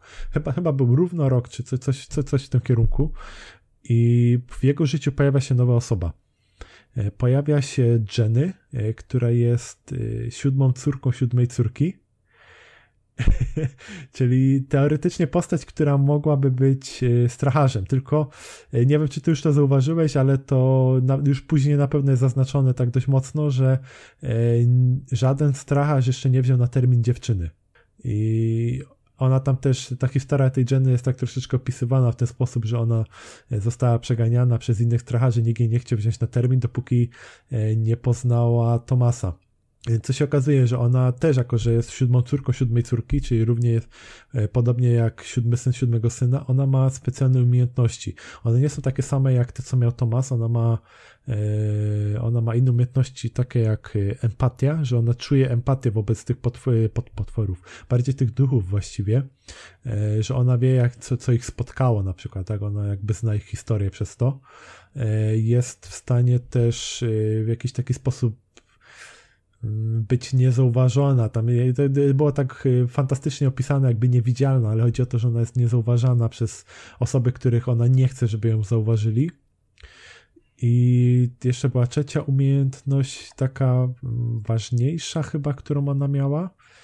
E, to ona potrafiła wyczuć e, od osoby, z którą rozmawiała, czy ta osoba ma wobec niej dobre e, czy złe intencje. To, to, to, takie umiejętności, które mogą być pomocne i tam też się okazywało, że mogą być pomocne w fachu stracharza. No i właśnie, Tomas przyjmuje na fach, ale ale, jest to ale. Y, jest to zagrożenie, które się tam cały czas pojawia i zaczyna mm, się bardziej rozwijać, w jakiś sposób eskalować. I Tomas jest y, potrzebny też, jakby gdzieś, jakby to nazwać, e, na polu walki. I jednocześnie gdzieś ma te uczennice, tak? Czyli tak on przeżywał te swoje przygody z e, Johnem Gregorem, czyli nieważne co się działo, John Gregorem jakieś zadanie, on zawsze brał tego swojego ucznia. W taki sam sposób Thomas brał e, tą swoją uczennicę e, ze sobą, czyli też tutaj jakby on mierzy się z tym, że teraz też widzi, jak to jest być mentorem. Czyli, bo on, on cały czas miał ten wiedział, jak to jest być uczniem, tak? Jak tam, e, nie wiem, jak e, jego mistrz był zawiedziony jego postawą, jego poczynaniami i tak dalej, i tak dalej. W taki sam sposób on teraz widzi, jak, jak ten stracharz po prostu miał ciężką pracę ucząc go do, do, tego fachu, tak? On teraz ma z tą dziewczyną, tak? Że tam e, też jakiś sposób charakter, to, że ona jest niesforna, albo że go czasami nie słucha i wszystko po prostu tak tutaj jakby zatacza krąg. W sumie to trochę podobnie podobnie jak w Zwiadowcach, jak tam później e, Will zostaje mistrzem e, i mentorem swojej, no w sumie to też swojej uczennicy, no to to już w sumie mogę zdradzić, że te też dostał dziewczynę, która zostaje zwiadowczynią, więc jest takie odwrócenie troszeczkę mm, do góry nogami tego, tak, co, co było kiedyś e, normalne. No i co chciałem jeszcze tak dopowiedzieć, yy, a, właśnie, co jest ważne, bo z jednej strony jak się czyta te 13 ksiąg, to się ma wrażenie, że nawet jeśli te zagrożenie, które gdzieś tam, te, ten zły, który się tam pojawia, że to zagrożenie jest globalne, to jednak te wydarzenia wszystkie są lokalne, nie? Czyli oni się udają w konkretne miejsce, tam się coś pojawia, oni z tym walczą i tyle. A tutaj, w tej trylogii, mimo że to jest trylogia i mam wrażenie, że to też jest tak bardzo dużo gęściej e, wszystko po prostu opisane, dużo więcej się dzieje, a ta cała eskalacja wydaje się taka dużo bardziej globalna, tak? E, że na, nawet jeśli gdzieś tam Thomas wraz ze swoim mistrzem E, czy z Alice, czy z matką muszą się udać, czy to tam e, do Irlandii, czy do Grecji, to jednak te problemy, one nie, nie, nie sprawiały takiego wrażenia bycia problemem globalnym, ale tutaj już to się czuje, że zagrożony jest cały świat e, przed tym nowym zagrożeniem, które nadchodzi.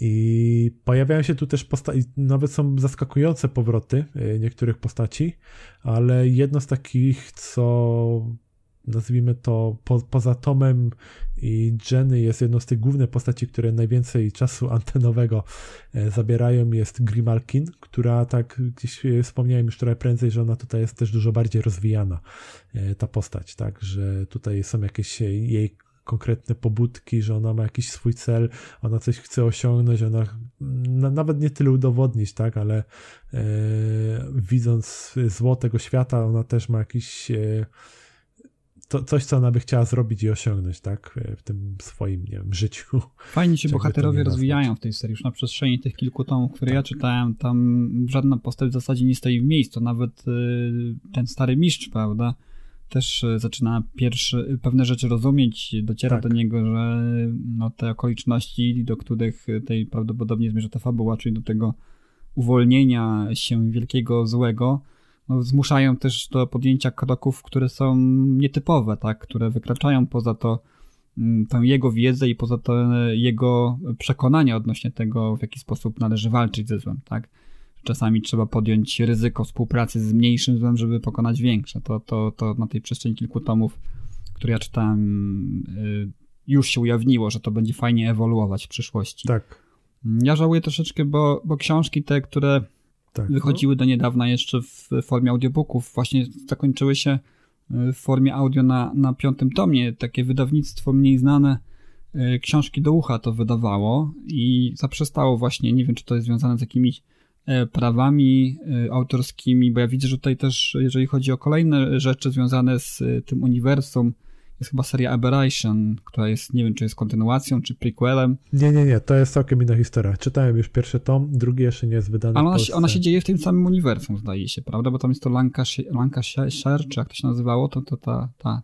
Wiesz co? Nie wiem. Nie wiem, czy w tym samym uniwersum, ale tam jest yy, to całe to, to, co tam się dzieje, te wszystkie wydarzenia, one są całkiem. Tam, tam nie ma. Przynajmniej nie pamiętam, żeby tam było coś o stracharzach wspominane. Mm -hmm. Tam mhm. jest raczej. Y, jest trochę podobny klimat, ale z tego co pamiętam, bo to już jakiś czas temu też czytałem, jakoś krótko jak to wyszło, y, to tam było tak, że świat był spowity mgłą y, w wielu miejscach i w tej mgle czaiło się jakieś zagrożenie, i tam to wyglądało w taki sposób, że byli czarodzieje, którzy byli w stanie otwierać portale e, do różnych miejsc, e, chyba właśnie, nie pamiętam czy w tej mgle w tym świecie, czy we mgle po jakby drugiej stronie, gdzie te potwory żyją, tak, gdzie oni mają swój, nie wiem, półświatek, czy jakkolwiek by to nie nazwać i te, oni się starają badać to, skąd się wzięła ta mgła i jakie ona, jakim ona jest zagrożeniem, bo tam też mhm. wychodzi na to, że e, to się gdzieś tam zagęszcza i że to jest coraz niebezpieczniejsze i tam jakaś taka większa intryga po prostu się gotowała. E, ale mhm. nie powiem ci dokładnie, czy to jest to samo uniwersum, czy nie. To, to nie jest w każdym, w każdym razie miałem na myśli to, że, że książki Dylaneya są wydawane przez różne wydawnictwa i tutaj może jakaś no, różnica y, właśnie praw, e, czy, czy też jakieś komplikacje z tym związane uniemożliwiły wydawanie dalszych tomów w formie audio. Ja bardzo żałuję, bo ja lubię tę serię bardzo i z przyjemnością do niej wrócę. I powiem Ci szczerze, że nawet e, ten taki ogólny rys, który Ty nakreśliłeś, lekko spoilujący wydarzenia, nie, pop, nie popsuł mi tego w tej chwili. Ja nadal czuję się bardziej zachęcony niż e, zniechęcony tym, co, czego się no, po, tak pobieżnie dowiedziałem, bo, bo naprawdę nie wchodziłeś w detale i wydaje mi się, że... E, Starałem się ważyć słowa i bardzo obszerne, dla, dlatego też się czasami tutaj zaczynają, bo obszerne notatki sobie zrobiłem, żeby Aha. za dużo nie powiedzieć. To notatki zachowaj na później, może zrobimy taki naprawdę głębszy odcinek spoilerowy, kiedy dotrzemy mm, wspólnie No, wszyscy do, do tego momentu, bo Piotr, Piotr też pewnie chętnie dołączy i tutaj też mm, opowie nam, jakie, jakiego wrażenia są z, tej- z tej lektury. No ja też chętnie wrócę, ale u mnie zawsze znowu ten strach aż gdzieś tam mm, bardzo lubię tę serię, ale gdzieś zawsze ginie w tle tych książek, które mi wyskakują i które gdzieś tam przesuwają tę serię na, na, niższą, na niższą pozycję na mojej liście do czytania, ale gdyby był w audiobooku, no to wiadomo, by było łatwiej, bo też więcej o, o, okazji, okoliczności, w których mógłbym po prostu tego posłuchać sobie, tak? A to jest w sumie Y- zabawne, bo te książki naprawdę szybko się czyta. One mają tak Mhm. do 240 stron chyba każda. Tak, to jest też plus tych książek, że tam, jeżeli chodzi o, o, poszczególne historie, tam Dilani w ogóle nie owija w bawełnę, on nie rozciąga tych książek do... nie leje wody, mówiąc po prostu tak kolokwialnie, tak, w tych książkach. Tam jest gęsta fabuła, dość szybko się zawsze akcja zadzierzga w każdym tomie, nie ma nie wiadomo jak długich prologów, prowadzeń. Czasami jest tak, że tak jak ja słuchałem tych, tych pierwszych tomów, jest tak, że w zasadzie po skończeniu jednej kulminacji, prawda, w jednym tomie, Mhm. już jesteśmy na samym początku rzuceni w wir akcji w, w kolejnym tomie. Tam się też od razu mm, mm, grube rzeczy dzieją, y, szokujące, nie? W niektórych tomach już się otwierają. Ten status quo zostaje szybko zaburzony, ten, który, wiesz, jeszcze znaliśmy z poprzedniego tomu. No, naprawdę to, to się dobrze czyta, nie tylko ze względu na objętość, ale też z tego powodu, w jaki, jak, jak, jak y, Dilani prowadzi fabułę, prowadzi bohaterów, no. Y, Żałuję, że, że nie mam więcej czasu, żeby te książki upchnąć, ale wydaje mi się, że u mnie to będzie taki moment, że dobra, teraz sięgam po Dilaneya i wszystko inne mnie nie obchodzi, nie? No ja byłem tak. zdeterminowany właśnie, Mhm. żeby to dokończyć. Z różnych powodów. Raz, że miałem tam wieczorami trochę więcej czasu e, w tym okresie takim świątecznym. E, Dwa, że e, zbliżał się koniec roku i chciałem w sumie nawet to skończyć w zeszłym roku w jakiś sposób, żeby tak, tak właśnie to domknąć, ten 2020. E, A ostatnia rzecz to dlatego, że ja też na Goodreadsach mam cały czas Mhm. e, taką długą listę e, 20 pozycji, które cały czas piszę, że w trakcie czytania jestem i chcę ją po prostu maksymalnie e, zmniejszyć. No dobre są takie motywatory. Ja sobie w tym roku ustawiłem 100 książek. No, no myślę, że może mi się uda, wiesz, bo, bo też yy, mm, mam już za sobą, jest, jest styczeń, mam za sobą 5 książek, więc o ile w kolejnych tomach, w kolejnych, w kolejnych miesiącach dobiję do tych 8 miesięcznie, to, to, to może mi się to udać, nie? Witam serdecznie. Tak, mamy, mamy mały, mały zwrot akcji, tak jak w książkach y, Josepha Dilaneya. Tak. Pojawił się u nas żarłok, dołączył właśnie do nas. Nieoczekiwanie, z zaskoczeniem nas tutaj e, wziął. Witam. Witam, witam żarłoku. Co tam u ciebie? Bo myśmy omówili właśnie Kroniki Words, tam tak lekko spoilerowo, ale tak bez, bez wchodzenia w takie detale fabularne, a nie wiem, czy, E, czy, A czy, jaka, czy jaka to jest znasz? e, gatunek? Nie, nie, nie, bo w ogóle nie kojarzę. Gatunek to mamy To jaki? jest taki ho- horror, horror fantazy, powiedzmy do takiej trochę y, starszej młodzieży, o, powiedział, takich 13-16-letni. No to jeśli Takich, chodzi takich o horrory... 30-40-latków jak my też. Hmm. E, no to jeśli chodzi o horrory, to ja ostatnio czytałem Mhm. e, coś dla 60-latków, a może nawet i 80-latków. Mianowicie skończyłem Cień Bafometa Stefana Grabińskiego. Mhm. E, powieść z dwudziestolecia międzywojennego. Jedna z trzech powieści naszego wieszcza grozy, która jest ponoć najlepszą jego powieścią, a po przeczytaniu jej, no to trudno mi sobie wyobrazić, żeby e, zrobić coś e, lepszego, żeby on w tym swoim stylu e, jeszcze mm, stworzył coś bardziej kompletnego, a zarazem krótkiego, bo sam cień Bafometa, wydany ostatnio przez Bibliotekę Grozy, to jest kwestia 180 stron. E, Jest to opowieść o człowieku, który wyrusza na spotkanie z e, bodajże ministrem ówczesnym, gdyż umówił się z nim na pojedynek e, w wyniku jakiejś sprzeczki. I w drodze na ten pojedynek okazuje się, że nastąpił jakiś dziwny wypadek morderstwa, zabójstwa, mm, postrzału, w wyniku którego minister umiera. Nasz główny bohater nie zdążył nawet dotrzeć na miejsce spotkania. Ale w wyniku tego dziwnego zdarzenia, jak to u Grabińskiego, on zaczyna jakby przemyśliwać to, co się stało. e, i dochodzi do wniosku, że być może w jakiś dziwny sposób on był sprawcą tego zdarzenia. A może tak miało się stać? No bo świat wyręczył naszego tego głównego bohatera, y, bodajże Tadeusza. E, świat go wyręczył i z tego powodu zaczyna czuć jakieś takie dziwne niespełnienie albo dziwną fascynację. Zaczyna się interesować tą sprawą, próbuje rozwikłać, kto mógł zabić e, ministra. No i w wyniku tej, e, tego śledztwa odnajduje różne dziwne lokacje w mieście, tak bym powiedział. E, trafia do jakiegoś zaułka dla psychicznie chorych, gdzie poznaje człowieka, e, dziwnego człowieka, który ma jakiś związek z tą całą akcją. A w międzyczasie jeszcze w narracji e, Jan Grabiński, przepraszam, Stefan Grabiński tworzy taką strukturę e, nie szkatułkową, ale taką jakby e, karcianą, powiedziałbym. Czyli, że jedna opowieść zachodzi na drugą opowieść. Taka przeplatanka.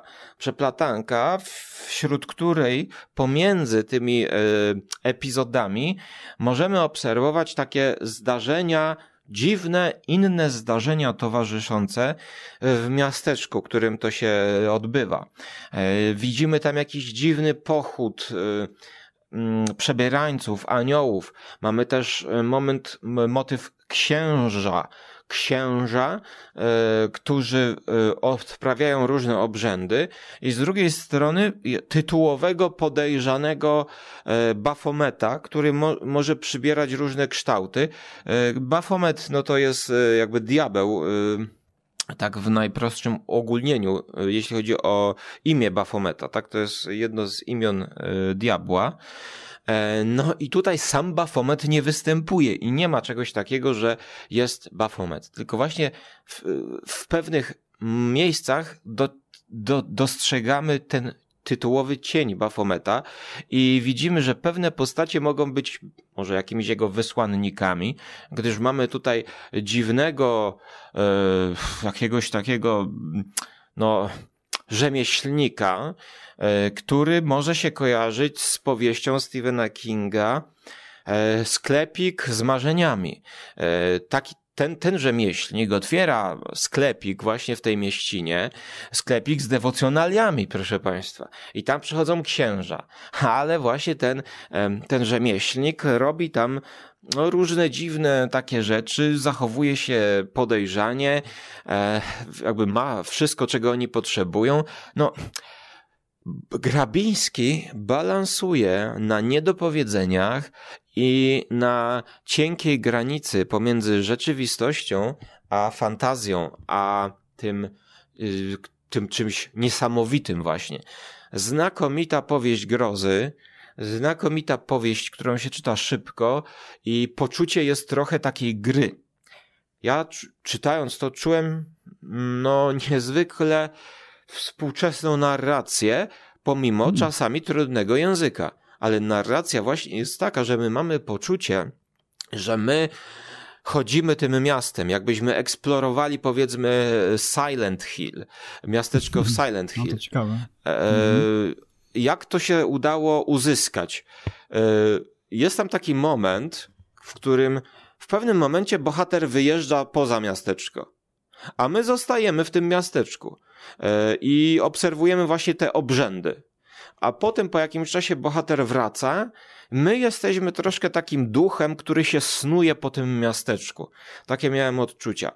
Ja od, e, wystawiłem 9 e, na 10. To proszę zachęcasz Państwa. naprawdę. Powiem Ci szczerze, że y, Grabiński to, to znowu ciekawe jest to, że on tej tematyki kolejowej, nie, w tej, tej książce odszedł, bo on tak y, z tym związany jest ściśle, tak, te wszystkie jego y, powieści, przynajmniej jest, jest w mojej pamięci tak się kojarzy, że że on tak bardziej wokół tej kolei, te duchy, prawda, gdzieś zaklęte w te, te pociągi, kursujące widmo, mm, a tutaj widzę, że to jest takie bardziej. Demon, tak, ruchu. Demon ruchu to był chyba cały taki zbiór, który wyszedł, prawda? Nawet taki tytuł nosił i chyba też tytuł opowiadania. Ja całkiem niedawno miałem yy, yy, boczny tor chyba, czy Ślepy Tor, czytałem, który był w tym zbiorze z duchami przy wigilijnym stole, nie? Tak, i to właśnie było z tego. I to, troszeczkę było archaiczne, ci powiem, że, że to jednak trąciło trochę tą myszką, to takie trochę nie dzisiejsze było, nie? Wiesz co, nie pamiętam, nie pamiętam Ślepego Toru yy, dokładnie. Yy, no wiesz co, yy, ja zawsze czytając Grabińskiego mam poczucie wejścia w taki świat trochę trącący myszką pod kątem takim, jakbym czytał Edgara Alana Poe trochę. więc, więc nie pamiętam tego ślepego toru, e, ale i był właśnie e, demon ruchu tak zwany. E, I demon ruchu to był tomik, który właśnie zbierał jego opowieści związane z koleją i z kolejnictwem, e, i, i z jazdą pociągiem. I to było tak, że Grabiński sam układał e, te swoje zestawy i, jakby pisał pod, e, pod troszkę pod dany temat. Dlatego, że po latach wydawnictwo Ag Agharta dosyć tak słabo, jeśli chodzi o papier, to, tak wygląda słabo, wydała, mm, wydała wszystkie jego tomiki. I wśród tych tomików mamy właśnie nie tylko Demona Ruchu, ale także, e, bo no tutaj nie pamiętam tytułu, e, mi, miłosne tomy, tom, tom, mamy pięć tomów, które zbierają właśnie opowiadania, no teoretycznie tak jak Grabiński je sobie zaplanował. I one tematycznie jakoś się tam. Aha, jeszcze. O, księga, e, księga chyba ognia to się nazywało. E, księga namiętności, e, demon ruchu i jeszcze coś tam było. No i właśnie ponoć są to tematycznie zebrane e, utwory m, przez samego Grabińskiego. E, natomiast z tego, co ja czytałem Grabińskiego właśnie z Demona Ruchu, e, to zawsze byłem zachwycony, więc ciekawi mnie tutaj to e, twoje e, lekkie odrzucenie, znaczy ten, ten archaizm w ślepym torze, którego ja znaczy, nie, nie pamiętam. Nie, ja, ja, ja, ja nie traktuję tego jako, jako jakiś minus, tylko po prostu zaskoczyło mnie, że mówisz, że on jest taki świeży, jeżeli chodzi o tę książkę, taki współczesny, tak? O, o to znaczy, wiesz co, właśnie i tak, jeśli chodzi o cień Bafometa, to chyba mógłbym tak powiedzieć, bo Yy, bo, znaczy, biorąc pod podprawkę język ciężki, yy, ale, yy, ale właśnie biorąc pod uwagę, jakie czytałem opowiadania jego, to jest to taki polski Edgar Allan Poe, upraszczając. Krótka opowieść, y, często narrator pierwszoosobowy, poczucie niesamowitości, no i jakieś dziwne zdarzenie. Ja dobrze pamiętam przypowieść o krecie tunelowym. E, to jest właśnie z tego tomu, Demon Ruchu, e, o człowieku, który chyba wchodzi w jakiś ciemny tunel, e, w, w którym jeżdżą pociągi i spotyka tam jakiegoś właśnie kreta tunelowego, czyli opiekującego się danym miejscem w tej całej e, konstelacji pociągowej. No i ten kret tunelowy tam siedzi i to jest jakaś taka dziwna postać złowieszcza. E, tak to wspominam. Mm, no więc e, czy bym radził zaczynać od tego, od tej powieści? Wydaje mi się, że chyba Grabińskiego najlepiej zaczynać od takiego the best of, um, takiego zbiorku właśnie, e, który zbiera różne jego teksty krótkie. No i można na początek właśnie sięgnąć po wydanie Vespera, e, jest taki zbiór e, gruby, w twardej oprawie ładnie ilustrowany. To jest taki The Best of, a także mm, wydawnictwo C i T, to będzie już krótszy i tańszy zbiór, też tylko w papierze pod tytułem chyba Niesamowitości. E, I, i tam są zebrane takie no e, szczątki. E, ja jestem na tym etapie, że jakby chciałbym najchętniej przeczytać wszystko jego i nawet kupiłem jego dramaty ostatnio. Dramaty, wśród których jest tytuł Larwy. Więc niezwykle zachęcające, jak to może wyglądać na scenie, a z tego co już podpatrzyłem, to te larwy są nawiązaniem do e, greckiego chóru, czyli tak jakby e, grupach jakichś postaci, które odgrywają larwy, trochę komentując i ingerując w mm, to, co się dzieje na scenie. E, więc dla mnie bardzo ciekawe. No a jeżeli ktoś chce szybko sięgnąć, no to na Wikipedii jest kilka e-booków, no bo Grabiński jest w, w domenie publicznej. Tak, więc mm, na Wikipedii, ja, ja nawet ostatnio ściągnąłem sobie Salamandrę, bo Salamandra to jest druga powieść, którą wezmę. Taka dziwna też o, o, człowieku, który chodzi uliczkami i pod mostem widzi ciągle grupkę tych samych ludzi w tym samym miejscu. No, takie, taki powiedziałbym współczesny pomysł, nie? Taki e, pomysł. Y, na takie, nie wiem, opowiadanie może nawet y, Kinga, taki dziwne, coś, jakiś taki fajny początek jest. E, Salamandra. I, I zaraz potem kupiłem e, w papierze, no bo dla mnie troszkę tak czytanie Grabińskiego w e-booku troszkę tak odbiera e, urok, chociaż powiem wam, że to co jest, to co można ściągnąć, e, to jest e, z okładkami, które były ówcześnie. Czyli w tym e-booku ktoś tam włożył jako pierwszą stronę te okładki, na przykład tej salamandry i to wygląda bardzo ciekawie, tak trąci troszkę takim wyspiańskim, może takim art nouveau tak, czyli secesją chyba. No i Salamandra będę to czytał. Mm, będę to czytał. Jest to o kobiecie i tutaj na polskiej okładce jest ta kobieta, jakaś salamandra plus, plus e, jakieś takie okultystyczne znaki. E, więc i to, to, to jest jeszcze krótsze niż Cień Bafometa. E, no i, i na pewno to przeczytam, mam nadzieję. A czy wy mieliście jeszcze jakąś styczność z Grabińskim? Znaczy ja Nie, ale dawno temu. Ja, ja, ja, dawno temu. Teraz dopiero wróciłem do ślepego toru za sprawą tej antologii o duchach przy wigilijnym stole.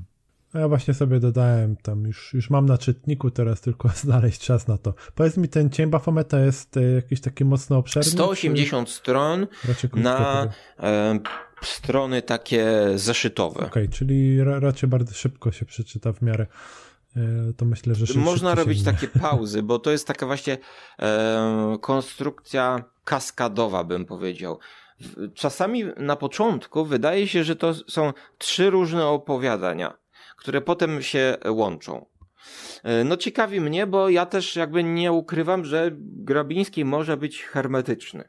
Może być hermetyczny tak samo jak ostatnia książka i tutaj właśnie chciałbym zrobić takie połączenie paradoksalne połączenie, bo ta narracja jakoś tak mi się teraz skojarzyła z książką nagrodzoną Pulitzerem w 2008 roku e, autorki amerykańskiej Elizabeth Stroud, e, o której właśnie jak rozmawialiśmy z Rafałem i powiedziałem mu, że e, wypożyczyłem e, Daniel Steele, Noller Roberts, Elizabeth Stroud z Olive Kittredge, to takim ciągiem Rafał myślał, że to jest jakiś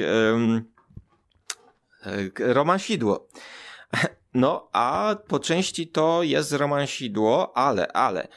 No, Elizabeth Stroud za tę nagrodę dostała tak Pulitzera w 2009, e, National Book Critics Award i nie, i nic więcej, ale skąd ja to znam? Ja to poznałem e, w roku 2004 chyba, nie, 14, 14 e, za pomocą HBO i serialu e, czteroodcinkowego na podstawie powieści, gdzie główną rolę grała Frances McDormand. I pamiętam, jak oglądałem to na bieżąco te cztery odcinki chyba były wtedy emitowane e, jeden po drugim. Znaczy, przepraszam, właśnie e, starą metodą.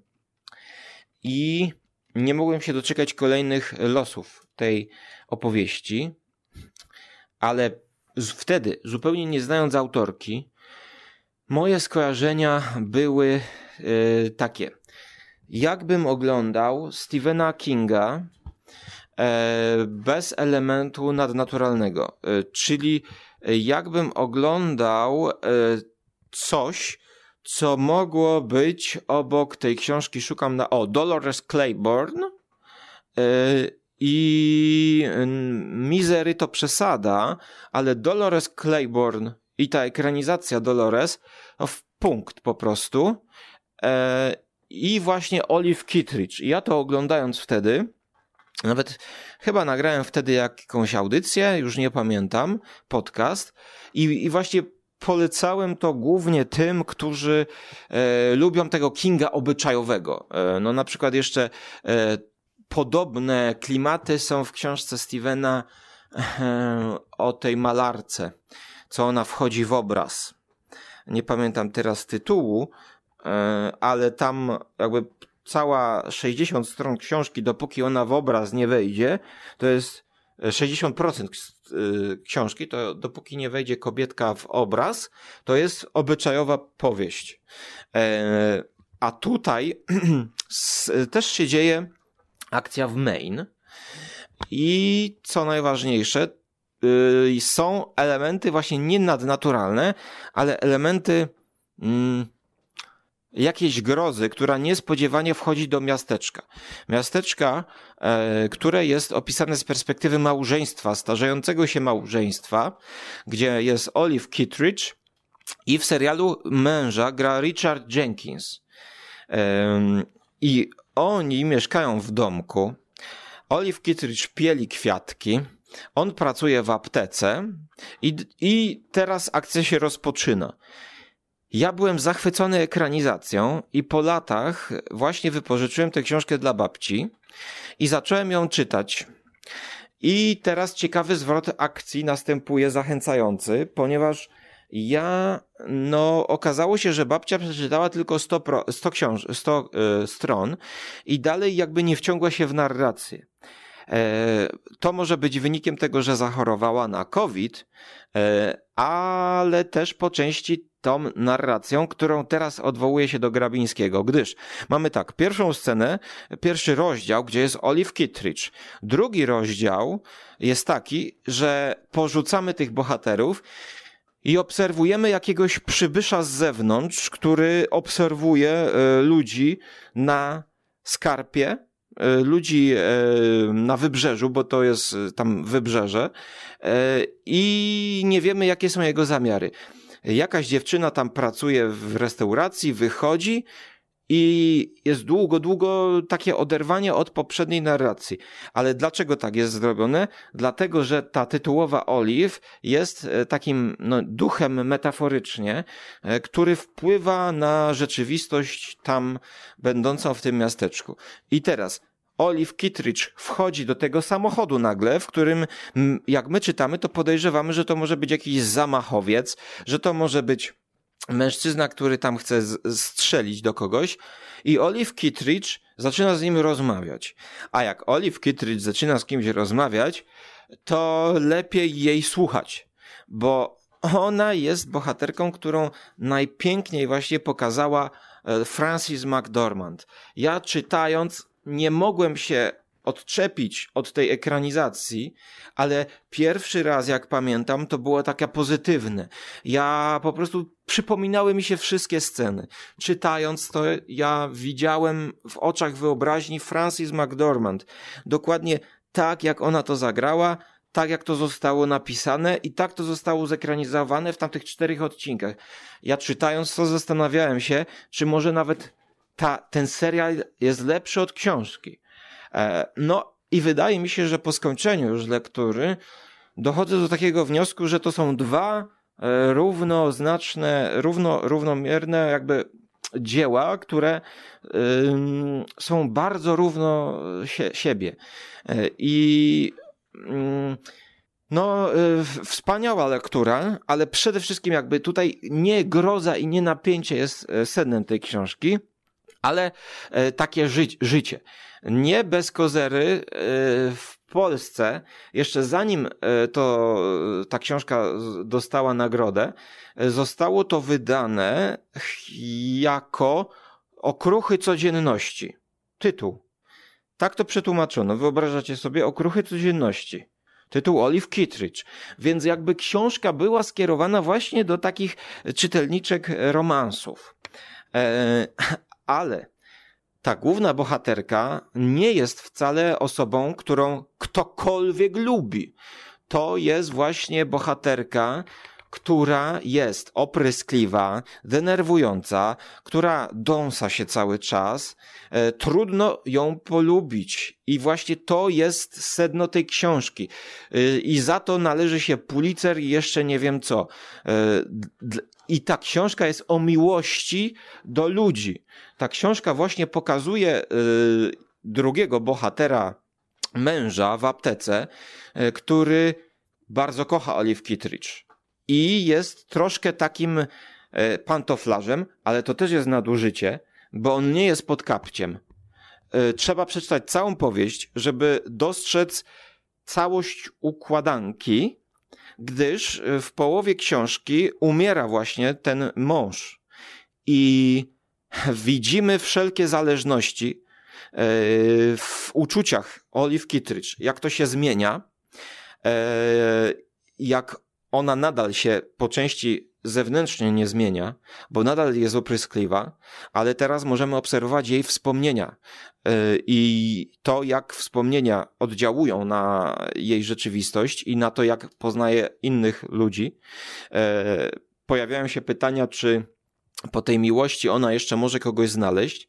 Aha, przepraszam, on dostaje e, udaru jakiegoś i on jest warzywem i musi siedzieć e, w, e, w hospicjum i ona go odwiedza. I teraz właśnie pojawia się pytanie, czy ona będzie się nim opiekować, czy ona go, tak, i ona się nim opiekuje, ona tam jeździ, ale ona ma też swoje rozterki. Jeszcze dodatkowo dorzucam kolejny wątek, syna, rodziny. Ona ma syna, który wyszedł za mąż, ale poznał kobietę z innego miasta, więc wyjechał z nią do Chicago. W Chicago zaś kobieta go zostawiła i on nie chciał wrócić. Więc mamy kolejny motyw, który główną bohaterkę zaczyna uwierać i sprawiać jej nieszczęście. Syn też ją zostawił, a ona jest sama w tym miasteczku. Ona próbuje się skontaktować z tym synem, ale on jest zajęty i nie chce jej przyjąć.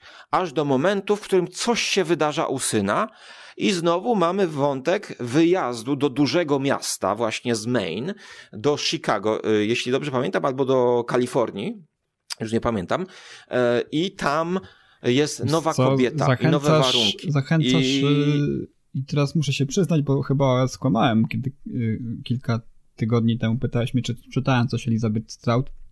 Moje tej wspomożenie się moją y, biblioteczką na Lubimy Czytać okazało się, że czytałem. Mm, I chyba zacząłem od złej książki, bo ja czytałem Mam na imię Lucy. Mm, to też taka jedna z pozycji, która jest skazana na jedną z lepszych, ale ona taka bardzo obyczajowa była. To, to było o takiej y, kobiecie, która dochodzi do siebie po jakimś wypadku czy chorobie, no i odwiedzają ją różni ludzie, w tym matka, z którą tam toksyczną miała kiedyś przeszłość, relacje, pojawiają się jakieś tam wątki związane z World Trade Center, jakieś e, AIDS też, bo Lucy oczywiście też gdzieś tam się y, udzielała aktywnie w środowiskach homoseksualnych, że tak powiem. I, I różne takie problemy, lęki, bolączki tej kobiety, powrót do przeszłości, taka też bardzo introwersyjna ta książka była i jakoś mi tak nie zaangażowało to, bo, bo to, nie wiem, być może kobiece odbiorczynie tej książki by lepiej w to uda, udało się wniknąć, natomiast no, dla mnie to było trochę takie męczące po prostu.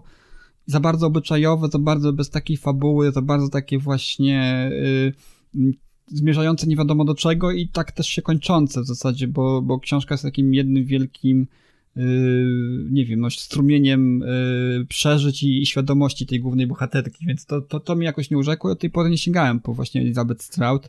No ale tutaj zachęcasz jednak, bo widzę, że, że yy, też w innych książkach troszeczkę bardziej eksperymentuje z różnymi gatunkami, więc, więc może jeszcze wrócę. Zgodzę się troszkę, że ktoś może mieć takie e, ocenę nawet tej książki.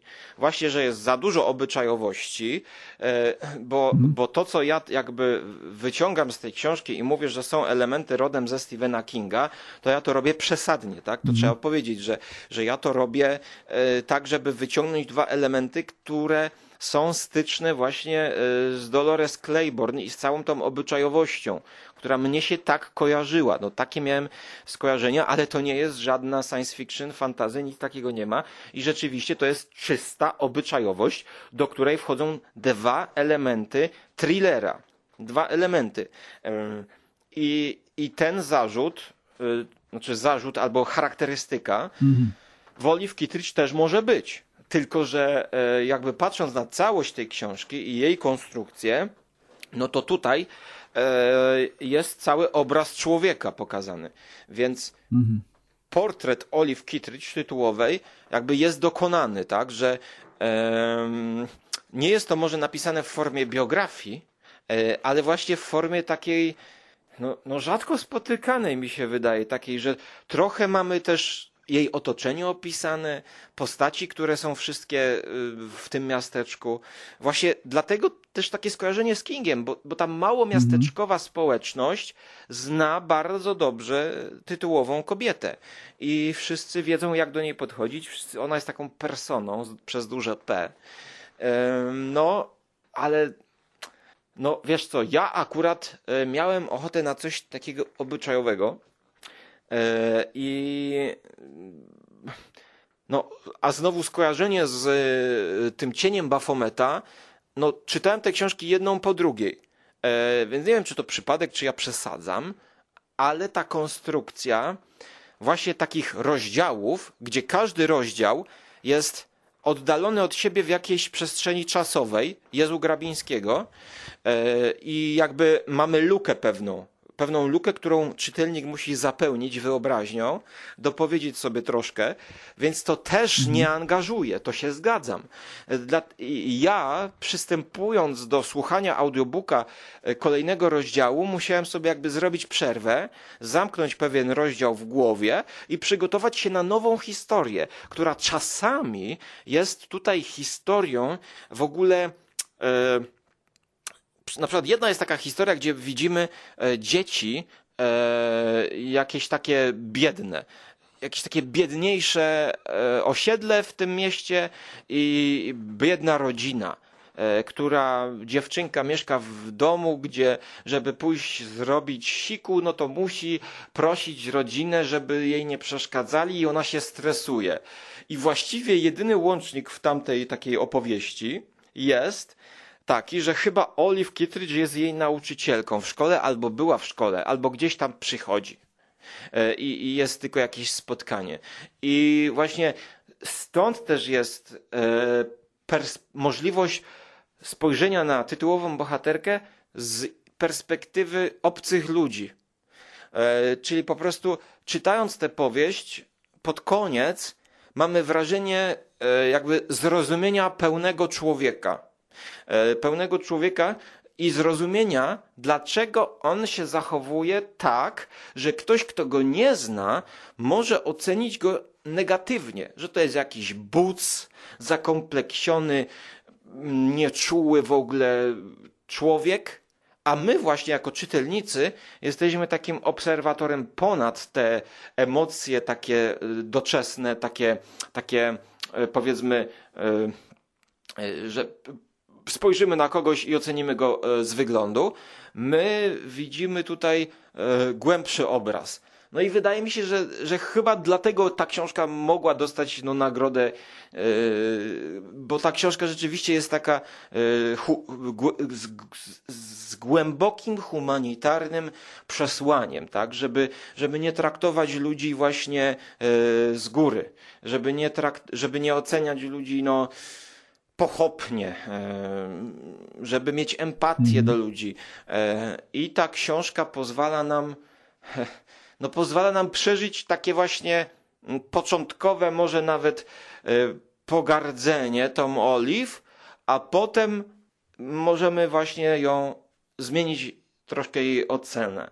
Ale też mówiąc to, mówiąc to, mówiąc to, ja jestem otwarty na dalszą dyskusję właśnie i to jest najciekawsze, że ja bym chciał, gdybym, gdybym powiedzmy gdzieś w Krakowie miał tak zwany klub dys dyskusyjny, tak jak to w serialach amerykańskich, że e, ludzie się spotykają, głównie kobiety e, i rozmawiają na temat tak, no, no, e, no bo im one jakby częściej czytają książki, tak, wydaje mi się. domowe przeważnie. Mężczyźni. Mhm. No, to mhm. też taki stereotyp jest, wiesz, gdzieś tam już z filmów amerykańskich, ale to też już chyba Wiesz, to takie kobiety właśnie jak tej y, w serialach, tych y, sitcomach amerykańskich bardziej, nie? Ten taki stereotyp kobiety, że zawsze gdzieś tam ten klub książkowy to był domeną pań, tak? Ale to już pewnie dzisiaj nie, nie jest aktualne do końca, tak na dobrą sprawę. Ja bym zobaczył statystyki z chęcią właśnie. Czy bardziej kobiety czytają dzisiaj? No też zależy od regionu. No ciekawa. Ale właśnie ta książka jest e, czymś, co otwiera dyskusję. I wydaje mi się, że to jest właśnie książka, która wiesz, nawet nie zmusiłaby nas do sporów, ale jak ktoś by inny ją przeczytał i teraz przytoczyłbym jakąś scenkę, to moglibyśmy właśnie wielowymiarowo o niej rozmawiać i jeszcze się czegoś dowiedzieć, jeszcze się czegoś, czegoś nauczyć. To nie jest taka zamknięta powieść, powiedzmy, y, co do których bohaterów wszystko jest jasne już, prawda? Każdy, tutaj tak powiem y, tanio, może psychologizując, że każdy wnosząc swoje doświadczenia do lektury tej książki może inaczej y, mieć inne zdanie, inaczej postrzegać pewne zdarzenia. Więc ale wydaje mi się, że e, jakby sukcesem tej powieści byłoby to, że my byśmy się w tym klubie dyskusyjnym nie pokłócili, tylko próbowali tak detektywistycznie trochę dążyć e, do prawdy i do tego, jaka tak. w sercu jest nie wykluczamy możliwości, że kiedyś poświęcimy tej książce być może troszeczkę szersze miejsce tej w naszym podcaście, bo mnie zachęciłeś.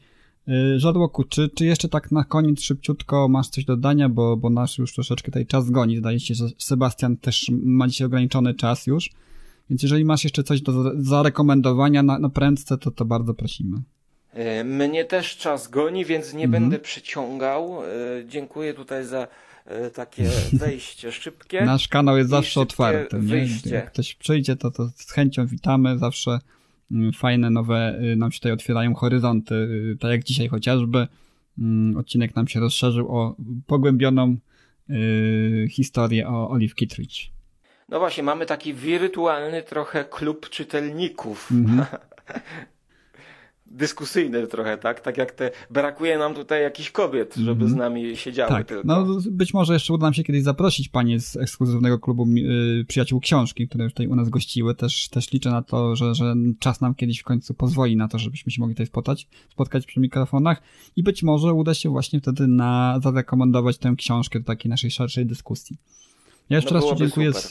serdecznie Żarłoku za to, że, że znalazłeś czas, żeby do nas dołączyć. Zdaje się, że Sebastiana już nie słychać, on tak zaocznie wyszedł. E, tutaj e, pisze mi na czacie, że niestety musiał już zniknąć, więc tutaj yy, godnie go zastąpiłeś podczas jego nieobecności i zniknięcia. Jeszcze raz Ci serdecznie dziękuję za, za dołączenie do, do dzisiejszej rozmowy i do usłyszenia. Żegnam wszystkich słuchaczy. Pa, Było bardzo miło, do usłyszenia. There's so many books to choose. Get on board, you just can't lose. Books expand your mind, it's true. Reading books is good for you. I love reading. Oh, I'm going down to the library, picking out a book, check it in, check it out. Gonna say hi to the dictionary, picking out a book, check it in, check it out. I'm going